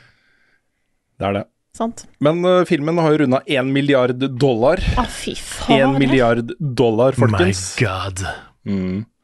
Jeg så en, eh, en Jeg har ikke sett videoen. Det var noen som driver og pusher den eh, litt rundt omkring. Eh, Men eh, et sånn derre argument da, for at kritikere har utspilt sin rolle, når man ser på da eh, publikums eh, score av den filmen kontra kritikernes eh, score, for den har jo blitt slakta av ganske mange. Fått ganske hard medfart hos liksom, profesjonelle kritikere. Ja, jeg syns det er litt rart, da. Ja. At den har blitt det. Ja, Altså, det er jo ja, ikke, det er ikke, sånn, det er ikke noe sånn fancy uh, kunstfilm eller film som er banebrytende på liksom filmmedieutgangspunktet. Nei, den har ikke, noe, den har ikke noen sterk emosjonell core, på en måte. Nei. Nei, jeg, jeg mener jo at, at hvis du har god kjennskap til Mario fra før, og er glad i de uh, universene som Nintendo har skapt, så får du mye igjen for det i filmen. Jeg tror nok det er liksom eh, For å elske filmen, så må du nok ha det, tenker jeg da. Mm. Eh, men hvis du er sånn Hvis du slakter den, så mener jeg du i de fleste tilfeller vil kunne peke på at de aktivt har noe imot dataspill. Um, som et utgangspunkt, da. Nå er det mulig at jeg, at jeg tar i litt for hardt her, men jeg tror det, da. Mm. Jeg, tror, jeg, jeg tr- tror du skal slite med å finne ihuga spillere blant de som har gitt liksom, terningkast 1 og 2. Ja, men jeg syns samtidig, da, det er liksom en Det er en fargerik, morsom film, uavhengig av Mm. spill også. For Men det er derfor jeg mener ja, altså, men- jeg, jeg kan forstå en terningkast 3 og 4. mm, ja, det kan jeg òg. basert, jeg jo. basert på, på filmens faktiske kvaliteter. Uavhengig av at det er et univers vi kjenner fra før og er glad i, liksom. Ja. Men den eneren og toeren, terningkast 1 og 2, da mener jeg at du aktivt syns det spillegreiene det er noen barn holder med, sånn tullegreier som, som ikke har noe relevans for meg i det hele tatt. Det er, ikke sant? Mm. Ja, for jeg, jeg syns det er en litt sånn Det er jo en enkel film på samme måte som den første Iron Man var en enkel film. Og den ble ikke slakta. Ja. Er, er, det fordi, er det fordi Robert Downey jr. var med, liksom? Er det derfor den fikk høye scores? Superhelter har. Ja, nei. Godt spørsmål. Men jeg syns liksom ikke de Marvel-filmene som har fått kjempekritikk, har vært eh, mye smartere og dypere enn den her. Nei. Nei. Så jeg vet ikke. Jeg, for meg så blir det liksom litt samme ting, da. Skal vi gå videre til er, neste, eh, Ja. neste spørsmål? Og et Nintendo-relatert spørsmål. Dette er fra Njål Stian Børdal, som spør Har dere noen tanker rundt Nintendos vei etter Switch. Hvordan skal de klare å unngå Wii U-fella, og når vil det være smart å gi ut ny hardware? Switch-innmaten begynner virkelig å bli umoderne etter hvert. Og den, er- hvis du sammenligner med de andre aktørene på markedet, så er jo Switchen den svakeste. Eh, Jeg syns fortsatt at Switchen er jæklig bra konsoll, som kjører utrolig mye. Og når en ser hvor bra Xenoblade 3 DLC-en blant annet kjører, så eh, den er ikke, Han er jo ikke død, den konsollen, men, eh, men ja, hvor går en videre? Det er, veldig, jeg det er et godt spørsmål, fordi hvis eh, Nintendo hadde vært som alle andre um, Microsoft har jo sin egen navnpolicy. Men hvis det hadde vært PlayStation, så hadde vi vært på NES 7, er det det? 7? 8? NES 8? Ja, ja hva det er mer, kanskje? Du har NES, Super Nintendo, 64, GameCube, GameCube. Wii. og Wii, Wii Wii U. Switch. Ja, det er åtte, da. Ja. Ja, anyway, um, da hadde de bare lagd en forbedra NES Mm. hver gang de ga ut en ny konsoll. Det er det de hadde gjort. Uh, men de har jo valgt å bare gå tilbake på tegnebrettet og hva nytt kan vi finne på, folkens? Og så kommer da en boks, en firkanta boks som heter GameCube, Mm. med en helt ny kontroller. Um, og så kommer Wii med bevegelsesstyring på alle spill og, og, og sånt. Så kommer Wii U og så Switch, og det er liksom, de gjør sin egen ting. Mm. Uh, og det tror jeg de kommer til å gjøre neste gang også. Jeg tror Det også. Det smarte valget for dem ville alltid vært å lage en ny NES. Det hadde vært det smarteste valget de kunne gjort, men de har aldri gjort det. Nei. Bare én gang, de har gjort det én gang. Ja. ja hvis, de, hvis de bare lanserer en ny konsoll som bare heter Nintendo, Mm. Det kunne vært eh, stilig. Men jeg tipper nå, pga. måten Switch har gjort det, så tipper jeg det kommer en ny Switch-aktig konsoll. At det fortsetter å være en hybrid. Det er min prediction. Det er umulig å predikte Nintendo, men, men det er der jeg tror de går. Og hvis de er smarte, så kaller de den istedenfor liksom Wii U, så kaller de den for Super Switch eller Switch 2 eller et eller annet sånt. Ja. Ja, men igjen, det er det de hadde gjort hvis de var smarte. Jeg, jeg, det jeg tror, da, er at for det gjøres så mye uh, nybrottsarbeid i skjermer og sånt om dagen, særlig med sånne OLED-skjermer. Du kan jo få PC-monitorer du kan bøye og bestemme vinkel, og så bestemme kurven på selv. du har et mobiltelefoner som ser ut som om det er bare én stor skjerm, men så bare bretter du den sammen. Og det, det er så mye som skjer med, med den type teknologi nå, at hvis jeg skulle gjette noe, så er det der Nintendo sitter og studerer. «Hrr, Kanskje vi kan gjøre noe, ikke sant. så, så det er kanskje, kanskje liksom en telefon, da. Som er en telefon, men så bretter du den ut, og så blir det en stor skjerm som du kan koble til TV-en, eller Jeg vet ikke. Jeg håper at uh, med den suksessen Jeg tror kanskje at de, de gjør det sånn som med Wii U, at du har litt bakoverkompatibilitet her. Og da er hovedsakelig fordi Switchen ble så svær. Mm. På grunn av det gigantiske markedet, så tror jeg at det går rett videre til en ny konsoll der du ikke kan ta med deg Switch-biblioteket ditt Um. Igjen også så må jeg arrestere der. Det har Nintendo aldri gjort. Jo, det er de. Jo, Ja, Har de det? ja, Ja, ja. Wii-en kjørte GameCube. Wii U kjørte Wii. Jeg gjorde de det? Ja. Ok, greit. Ja, for jeg tror, jeg tror Frida har rett. Jeg tror eh, akkurat nå, fordi Switch ikke gjorde det, så kommer de til å gjøre det nå. Mm. Jeg tror eh, den neste, neste konsollen kommer til å kunne kjøre Switch-spill. Jeg tror de, De det, var ikke verdt, det var ikke verdt det på Fordi at eh, Wii U-en hadde disker, og Switchen hadde eh, kassetter. Så tror jeg de måtte si Ok, vi kan ikke ha en diskdrive. Uh, ja, Wii U-en kan ikke spille GameCube, men du har i hvert fall hatt litt overgang der. Wii-en kan spille GameCube, kan han ikke det? Jeg er veldig sikker på dette. Jo. Wien Jo. kan spille, det er sant. Ja. Og så kunne, Eh. kunne, jo, kunne jo 3DS kunne jo spille DS. DS Mhm. kunne spille Game Boy Advance. Ja. Jeg beklager. Ja. Beklager at Ja. jeg var så hard der. Det går fint. Det var, det var ikke meningen å være så skarp tilbake. Jeg innså at jeg var litt sånn Nei! Nei! Eh, Men jeg, jeg, tror, jeg tror nok de vil gjøre det, fordi eh, Spesielt hvis de går fortsatt for en sånn hybridløsning med fortsatt uh, kassetter, så tror jeg at de vil gå for samme løsning. Og jeg tror det er smart òg, egentlig. Mm. Uh, Ja, fordi vi sitter jo her og famler i mørket når det kommer til Nintendo. Hva kommer de til å gjøre, liksom? Det er ingen Mm. som vet det. Men, men jeg tror de For meg så ville det vært galskap å ikke fortsette i den samme løypa, da. Mm. Som de har gjort med Switch. Men det kan være de går for galskap. You never know. never know med, disse, med den gjengen her. Altså, galskapen eh, skapte jo uh, We, Det er sant, det. Mm. og det var jo om, om uh, Dette var jo en konsoll som folk eh, ikke spilte så mange spill på, men den ble jo solgt i bøtter og spann. Mm. Som hardware så var jo det en, en uh, sånn helt gigasuksess som ingen kunne forutse. Men er det, er det litt sånn fordi GameCube solgte dårlig, så fant de opp Wii? Fordi Wii gjorde det dårlig, så fant de opp Switch? Ja, det er en risk for at neste konsoll er litt dårlig, da. Ja, i hvert fall at den er mer safe, da. Mm. Nei, altså um, um, uh, Switchen er jo selv om på en måte nå har de hatt We, Wii U, Switch. Det er jo en slags evolusjon uansett. Mm. På Switchen har du jo valgfri bevegelsesstyring i disse joyconene og sånne ting. Uh, Du må ikke bruke de, men du kan hvis du vil. Mm. Uh, Noen spill er jo laget for det. Eh, One to Switch og uh, Wii Sports Nei, Switch eh, Sports. Ja. Eh, og sånt er jo laget for det, men spill flest er liksom litt valgfritt, da. Så det kan hende at det er inne på et løp nå, hvor det blir mer iterasjoner og videreutvikling og forbedring og sånt, kanskje. Switchen er jo på en måte en 100 ganger smartere Wii U gamepad. Eh, Det er akkurat det. Ja. Jeg er veldig glad i Switchen. Mm. Det Ja, er på en måte den store forskjellen, er jo at selv med Wii, så, så eh, for meg da, var den mye gimmicky. Det var noen spill der som, eh, som var dritbra selvfølgelig, og som jeg spilte og likte. Men uh, hvis jeg kunne velge å bruke en håndkontroller på et spill, så gjorde jeg jo gjerne det. Mm. Um, Switch er på en måte en konsoll som jeg er oppriktig glad i, som jeg syns er dritbra. Og som jeg har hatt stor glede av å både ta, både ta med meg i handsfree-modus og, og koble opp til både monitor og TV og alt mulig rart. Så um, Mm. de er tilbake. Ordentlig. Mm.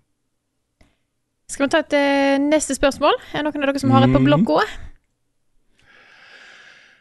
Eh, skal vi se Jeg har et her fra, på, fra Discord. Mm -hmm. uh, med et herlig brukernavn I am dog dog dog. Som lurer på hvordan vi vurderer å lage eget innhold basert på populære trender i gaminglandskapet. Finnes det en slags terskel? Er det noe som trenden må være eller ikke være før dere lager lignende innhold? Dette er, vi har kanskje snakka litt om det fra før, men vi er jo litt sånn notorisk eh, eh, motvillige til å kaste oss på trender i spillverden. Vi, eh, vårt primære eh, mål er å lage innhold vi har lyst til å lage, og som vi tror blir bra innhold. Kvalitetsinnhold. kontra det å bare følge med på hva som trender på YouTube. Og så lage innhold med de riktige keywords og, og eh, riktige clickbait-tittel og thumbnail og sånn, for å få generere mest mulig hits. Mm. Det har aldri vært vårt fokus. Et uh, eksempel på det er jo at vi heller lager Let's Play-serier om Immortality og Wild Hearts enn Fortnite. Ja. Det er ikke smart, men det er gøy. Ja, det er, smart. det er helt riktig. Men det hender jo at vi tenker å, det hadde vært lurt å hatt en stream av dette spillet. Enten Mm. på det tidspunktet eller før release eller et eller annet. Noe sånne ting. Vi prøver, vi, det er ikke sånn vi eh, kaster all taktikk rett ut av vinduet.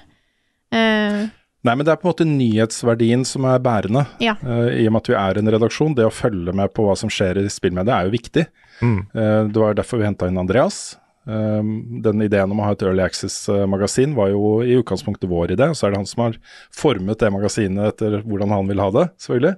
Men vi skjønte at vi, vi måtte Vi kunne ikke misse hver gang det kom et nytt Valheim, liksom. Vi måtte være litt på ballen på det. Um, og det er også sånn at vi ofte setter oss ned og spiller ting som vi ser uh, folk får mye buzz rundt seg. da. Uh, kommer litt fra ingenting og blir en ting som folk snakker om. At vi spiller det for å kunne snakke om det i podkasten f.eks., eller kjøre en stream eller lagre en anmeldelse. Så vi følger jo på en måte nyhetssiden av det. Men den derre uh, Det å, å ha fire måneder med Valheim-innhold fordi det er det som genererer visninger, det gjør vi ikke. Det kommer vi heller ikke til å gjøre. Mye av grunnen til det er jo at vi har Patron. Mm. Og så vi har eh, på en måte betalende seere som har, betaler penger for å få det innholdet som, som de mener Level Up bør lage. Og det er jo på en måte det innholdet vi lager, er jo et, et, et eh, synlig eksempel på hva det vil si, da.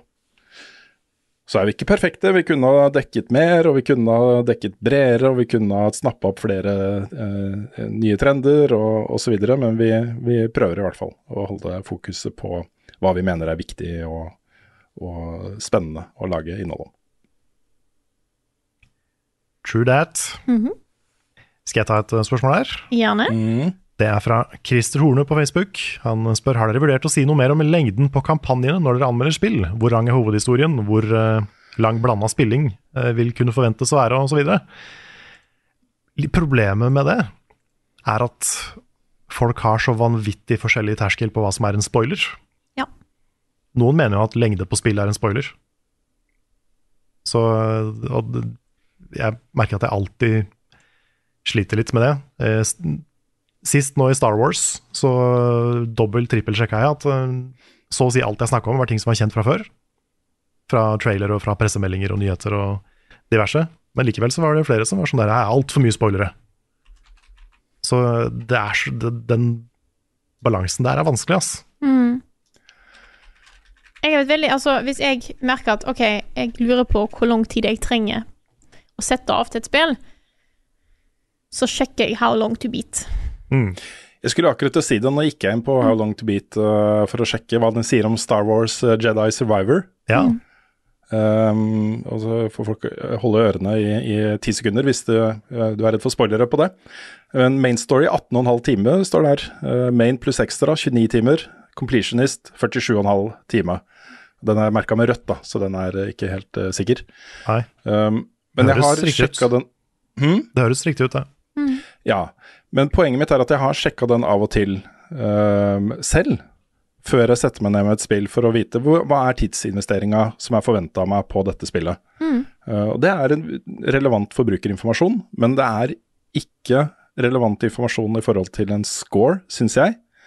Um, uh, og øh, jeg har hatt ti av ti opplevelser som er to timer lange. Ja, ja. Og jeg har hatt ti av ti opplevelser som er 200 timer lange. Så, så det er mer en sånn generell oppfattelse. Er dette et langt spill eller et kort spill? er kanskje greit å ha med, men, øh, men nøyaktig hvor lang tid det tar, øh, er mer sånn forbrukerinfo. Og når du har en tjeneste som er så god som howlongtobeat.com, så er den informasjonen lett tilgjengelig for alle, syns jeg, da. Så hvis du er veldig opptatt av hvor langt et spill er, så er det jo egentlig bare å sjekke der. Og den er veldig oppdatert, altså. Til og med nesten før utgivelse av og til, så har den en estimat på hvor langt det spillet er, som oppdateres da, etter hvert som det kommer inn mer informasjon. ja de, de folka som driver den sida, har liksom bare funnet et behov, og bare dekka det. Det er kjempebra.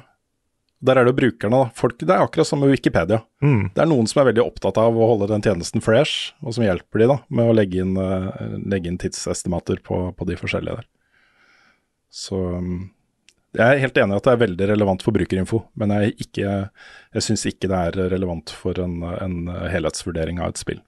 For der er eh, noen spill er korte, og noen spill er lange. Støtter den. Absolutt. Jeg tar et eh, nytt spørsmål her. Mhm. Det er fra Tobias Winterdahl, som spør Er det noen av dere som tenker å anmelde The Last Case of Benedict Fox. Husker den som et høydepunkt da han ble annonsert, og ser at den nå er tilgjengelig på GamePass. Og dette er jo et spill som det har vært demo ute på tidligere. Eh, Mhm. Jeg testa litt av den. Du òg testa litt av den, Rune. Jeg skjønte ingenting, jeg. Nei, jeg klarte ikke å komme inn i det systemet i det hele tatt. Nei. Det, det snakka jeg litt om eh, etter å ha testa demoen også. Jeg nevnte det så vidt i podkasten, mener jeg husker. Det er mulig at jeg lot være, jeg husker ikke helt. Men uansett, da. eh, dette har jo stått på radaren vår og har vært et spill vi har hatt lyst til å eh, sjekke ut og anmelde. Og så blir det lansert nå, da. Midt mellom alle de andre Star Wars og Zelda og eh, andre, andre ting. Redfall. Redfall osv. Så, videre. så eh, det, det har ikke blitt prioritert av oss. Men jeg sendte jo melding vi, Det er sånn Noen av oss burde egentlig ha spilt det, bare for å se har det blitt bedre. Er det, vi har jo snakka så varmt om det da det viste de første trailerne. Begge de to gangene det spillet har blitt vist fra, så har vi vært sånn Å, wow, det her ser jo dritfett ut. Mm. Så, så kanskje vi burde ha spilt det. Litt sånn apropos det Jeg, jeg fikk, nyhetsfokuset. da jeg testa demoen, så fikk jeg følelsen at å ja, dette spillet var litt annerledes enn jeg hadde sett for meg at det skulle være. Mm. For jeg, jeg kan, nå husker jeg veldig lite av demoen din, sa jeg. Men jeg følte at det var ikke Jeg følte det var litt kronglete. Jeg ble Altså, ikke fenga av det. Nei, så ting, Tingen er at det er mer hardcore enn jeg hadde forventa. Du dør veldig lett eh, og blir satt ganske langt tilbake. I hvert fall i demoen så gjorde det det. da. Satt ganske langt tilbake. Um, det nå er det ikke snakk om flere, mer enn et minutt eller to, da, men, men allikevel. Det føles som om du gjør en litt for lang stretch av ting om igjen og om igjen.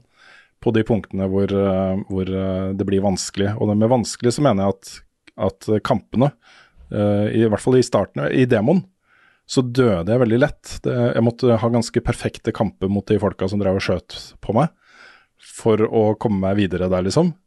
Eh, og det Jeg fikk ikke helt til uh, Jeg skjønte ikke helt hvordan spillet ville at jeg skulle spille.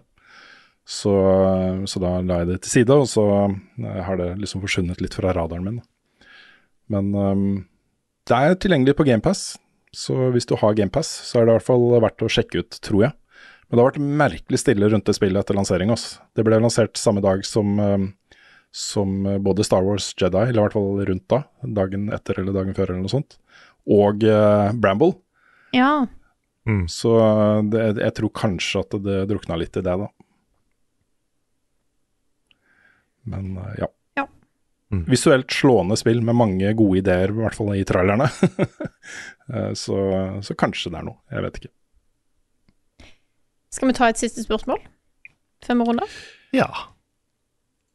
Har Jeg har litt lyst til å ta det fra Martin, altså. Ja. Um, Martin Herfjord. Fantastiske Martin Herfjord. Mhm. Som gratulerer med Folkeinvest og vellykket kampanje. Uh, jeg måtte selvfølgelig bli med på laget. Kult. Veldig gøy å ha. Uh, ja. Kan dere si noe om hvilke konsekvenser denne finansieringen får for Level Up innen en toårsperiode, give or take? Vi uh, har jo fortsatt ikke eh, solgt resten av aksjene i selskapet, um, men det er Det ser sikrere og sikrere ut at det går den veien, for å si det sånn.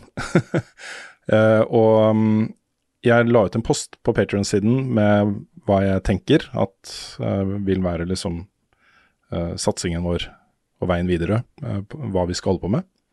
Og vi jobber aktivt med salg av innhold f.eks. til en større mediepartner. Og det um, håper jeg blir noe av, da. Eh, det det betyr i praksis, er at ting blir litt mer profesjonalisert, og kanskje vi også får litt midler til å hente inn ekstrahjelp på noen av produksjonene, sånn at vi også kan opprettholde på en måte den vanlige produksjonen vår, eh, hvis det kommer noe nytt. da. Eh, jeg tror folk kan bare forvente seg at vi kommer til å bli litt proffere. At det kommer til å være litt større prosjekter kanskje, med litt høyere synlighet fra oss i de neste par årene.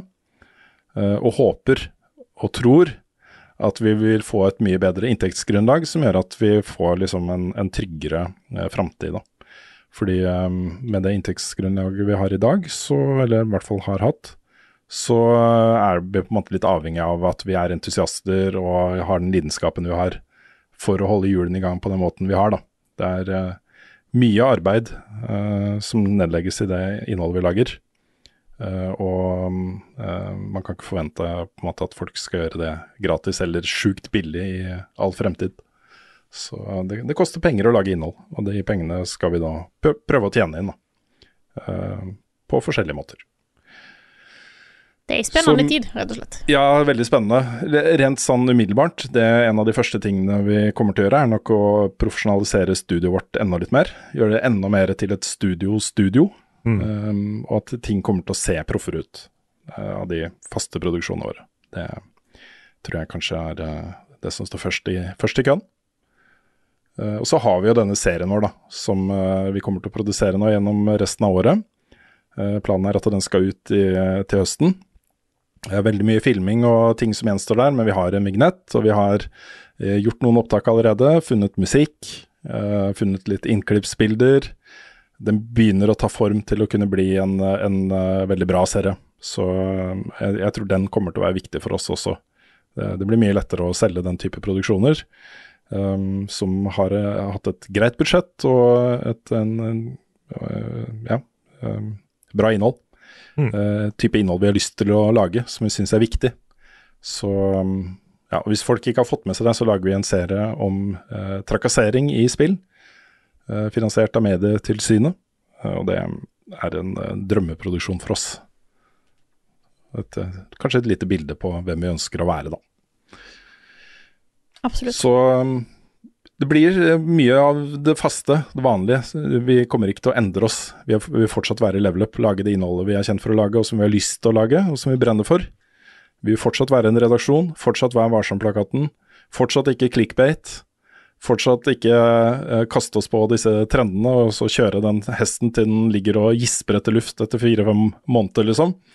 Um, så, så det er på en måte viktig å ha med seg da, inn i de neste par årene også, da. At vi er fortsatt level up. Det er vi. Helt sant. Skal vi ta en runde av dere, eller? Det kan vi gjøre. Den podkasten her den eh, kan du høre live, faktisk, i slutten av mai.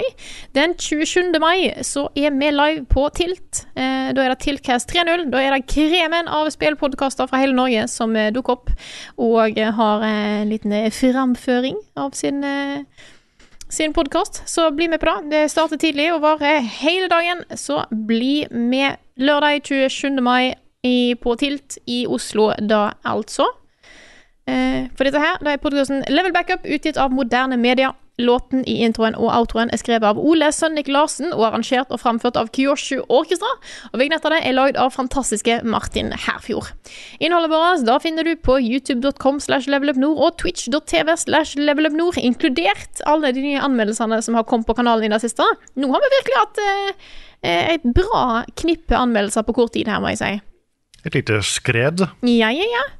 Bare eh, Jeg vet ikke hva jeg skal si. Det ordet forsvant hos meg. Det har kommet en del. Eh, check look. Eh, så eh, er det også bare å bli med i discorden vår, discord.gg slash levelupnorge. Eh, og vi har òg en merch-shop på levelupnorge.myspreadshop.no. Der finner du kule T-skjorter som Magnus i Fura. Eh, og Klassiker. Det er en klassiker, faktisk. Og nag. Mag Mhm, Magnum 69. Mm. Bra konsoll, da. Det var tidenes konsoll, det, altså. Ja, ja, ja. og støtt oss gjerne på patreon.com slash levelupnorge hvis du vil at vi skal fortsette å lage kult innhold som dette her.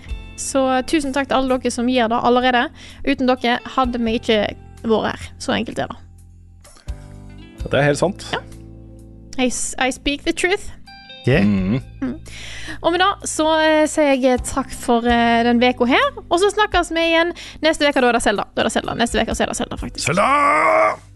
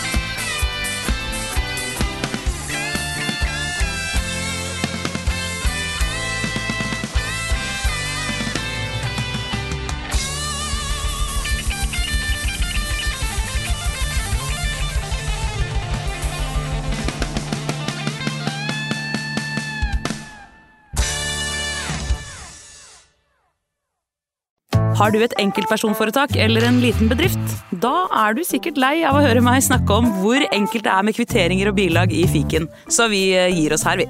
Fordi vi liker enkelt. Fiken superenkelt regnskap.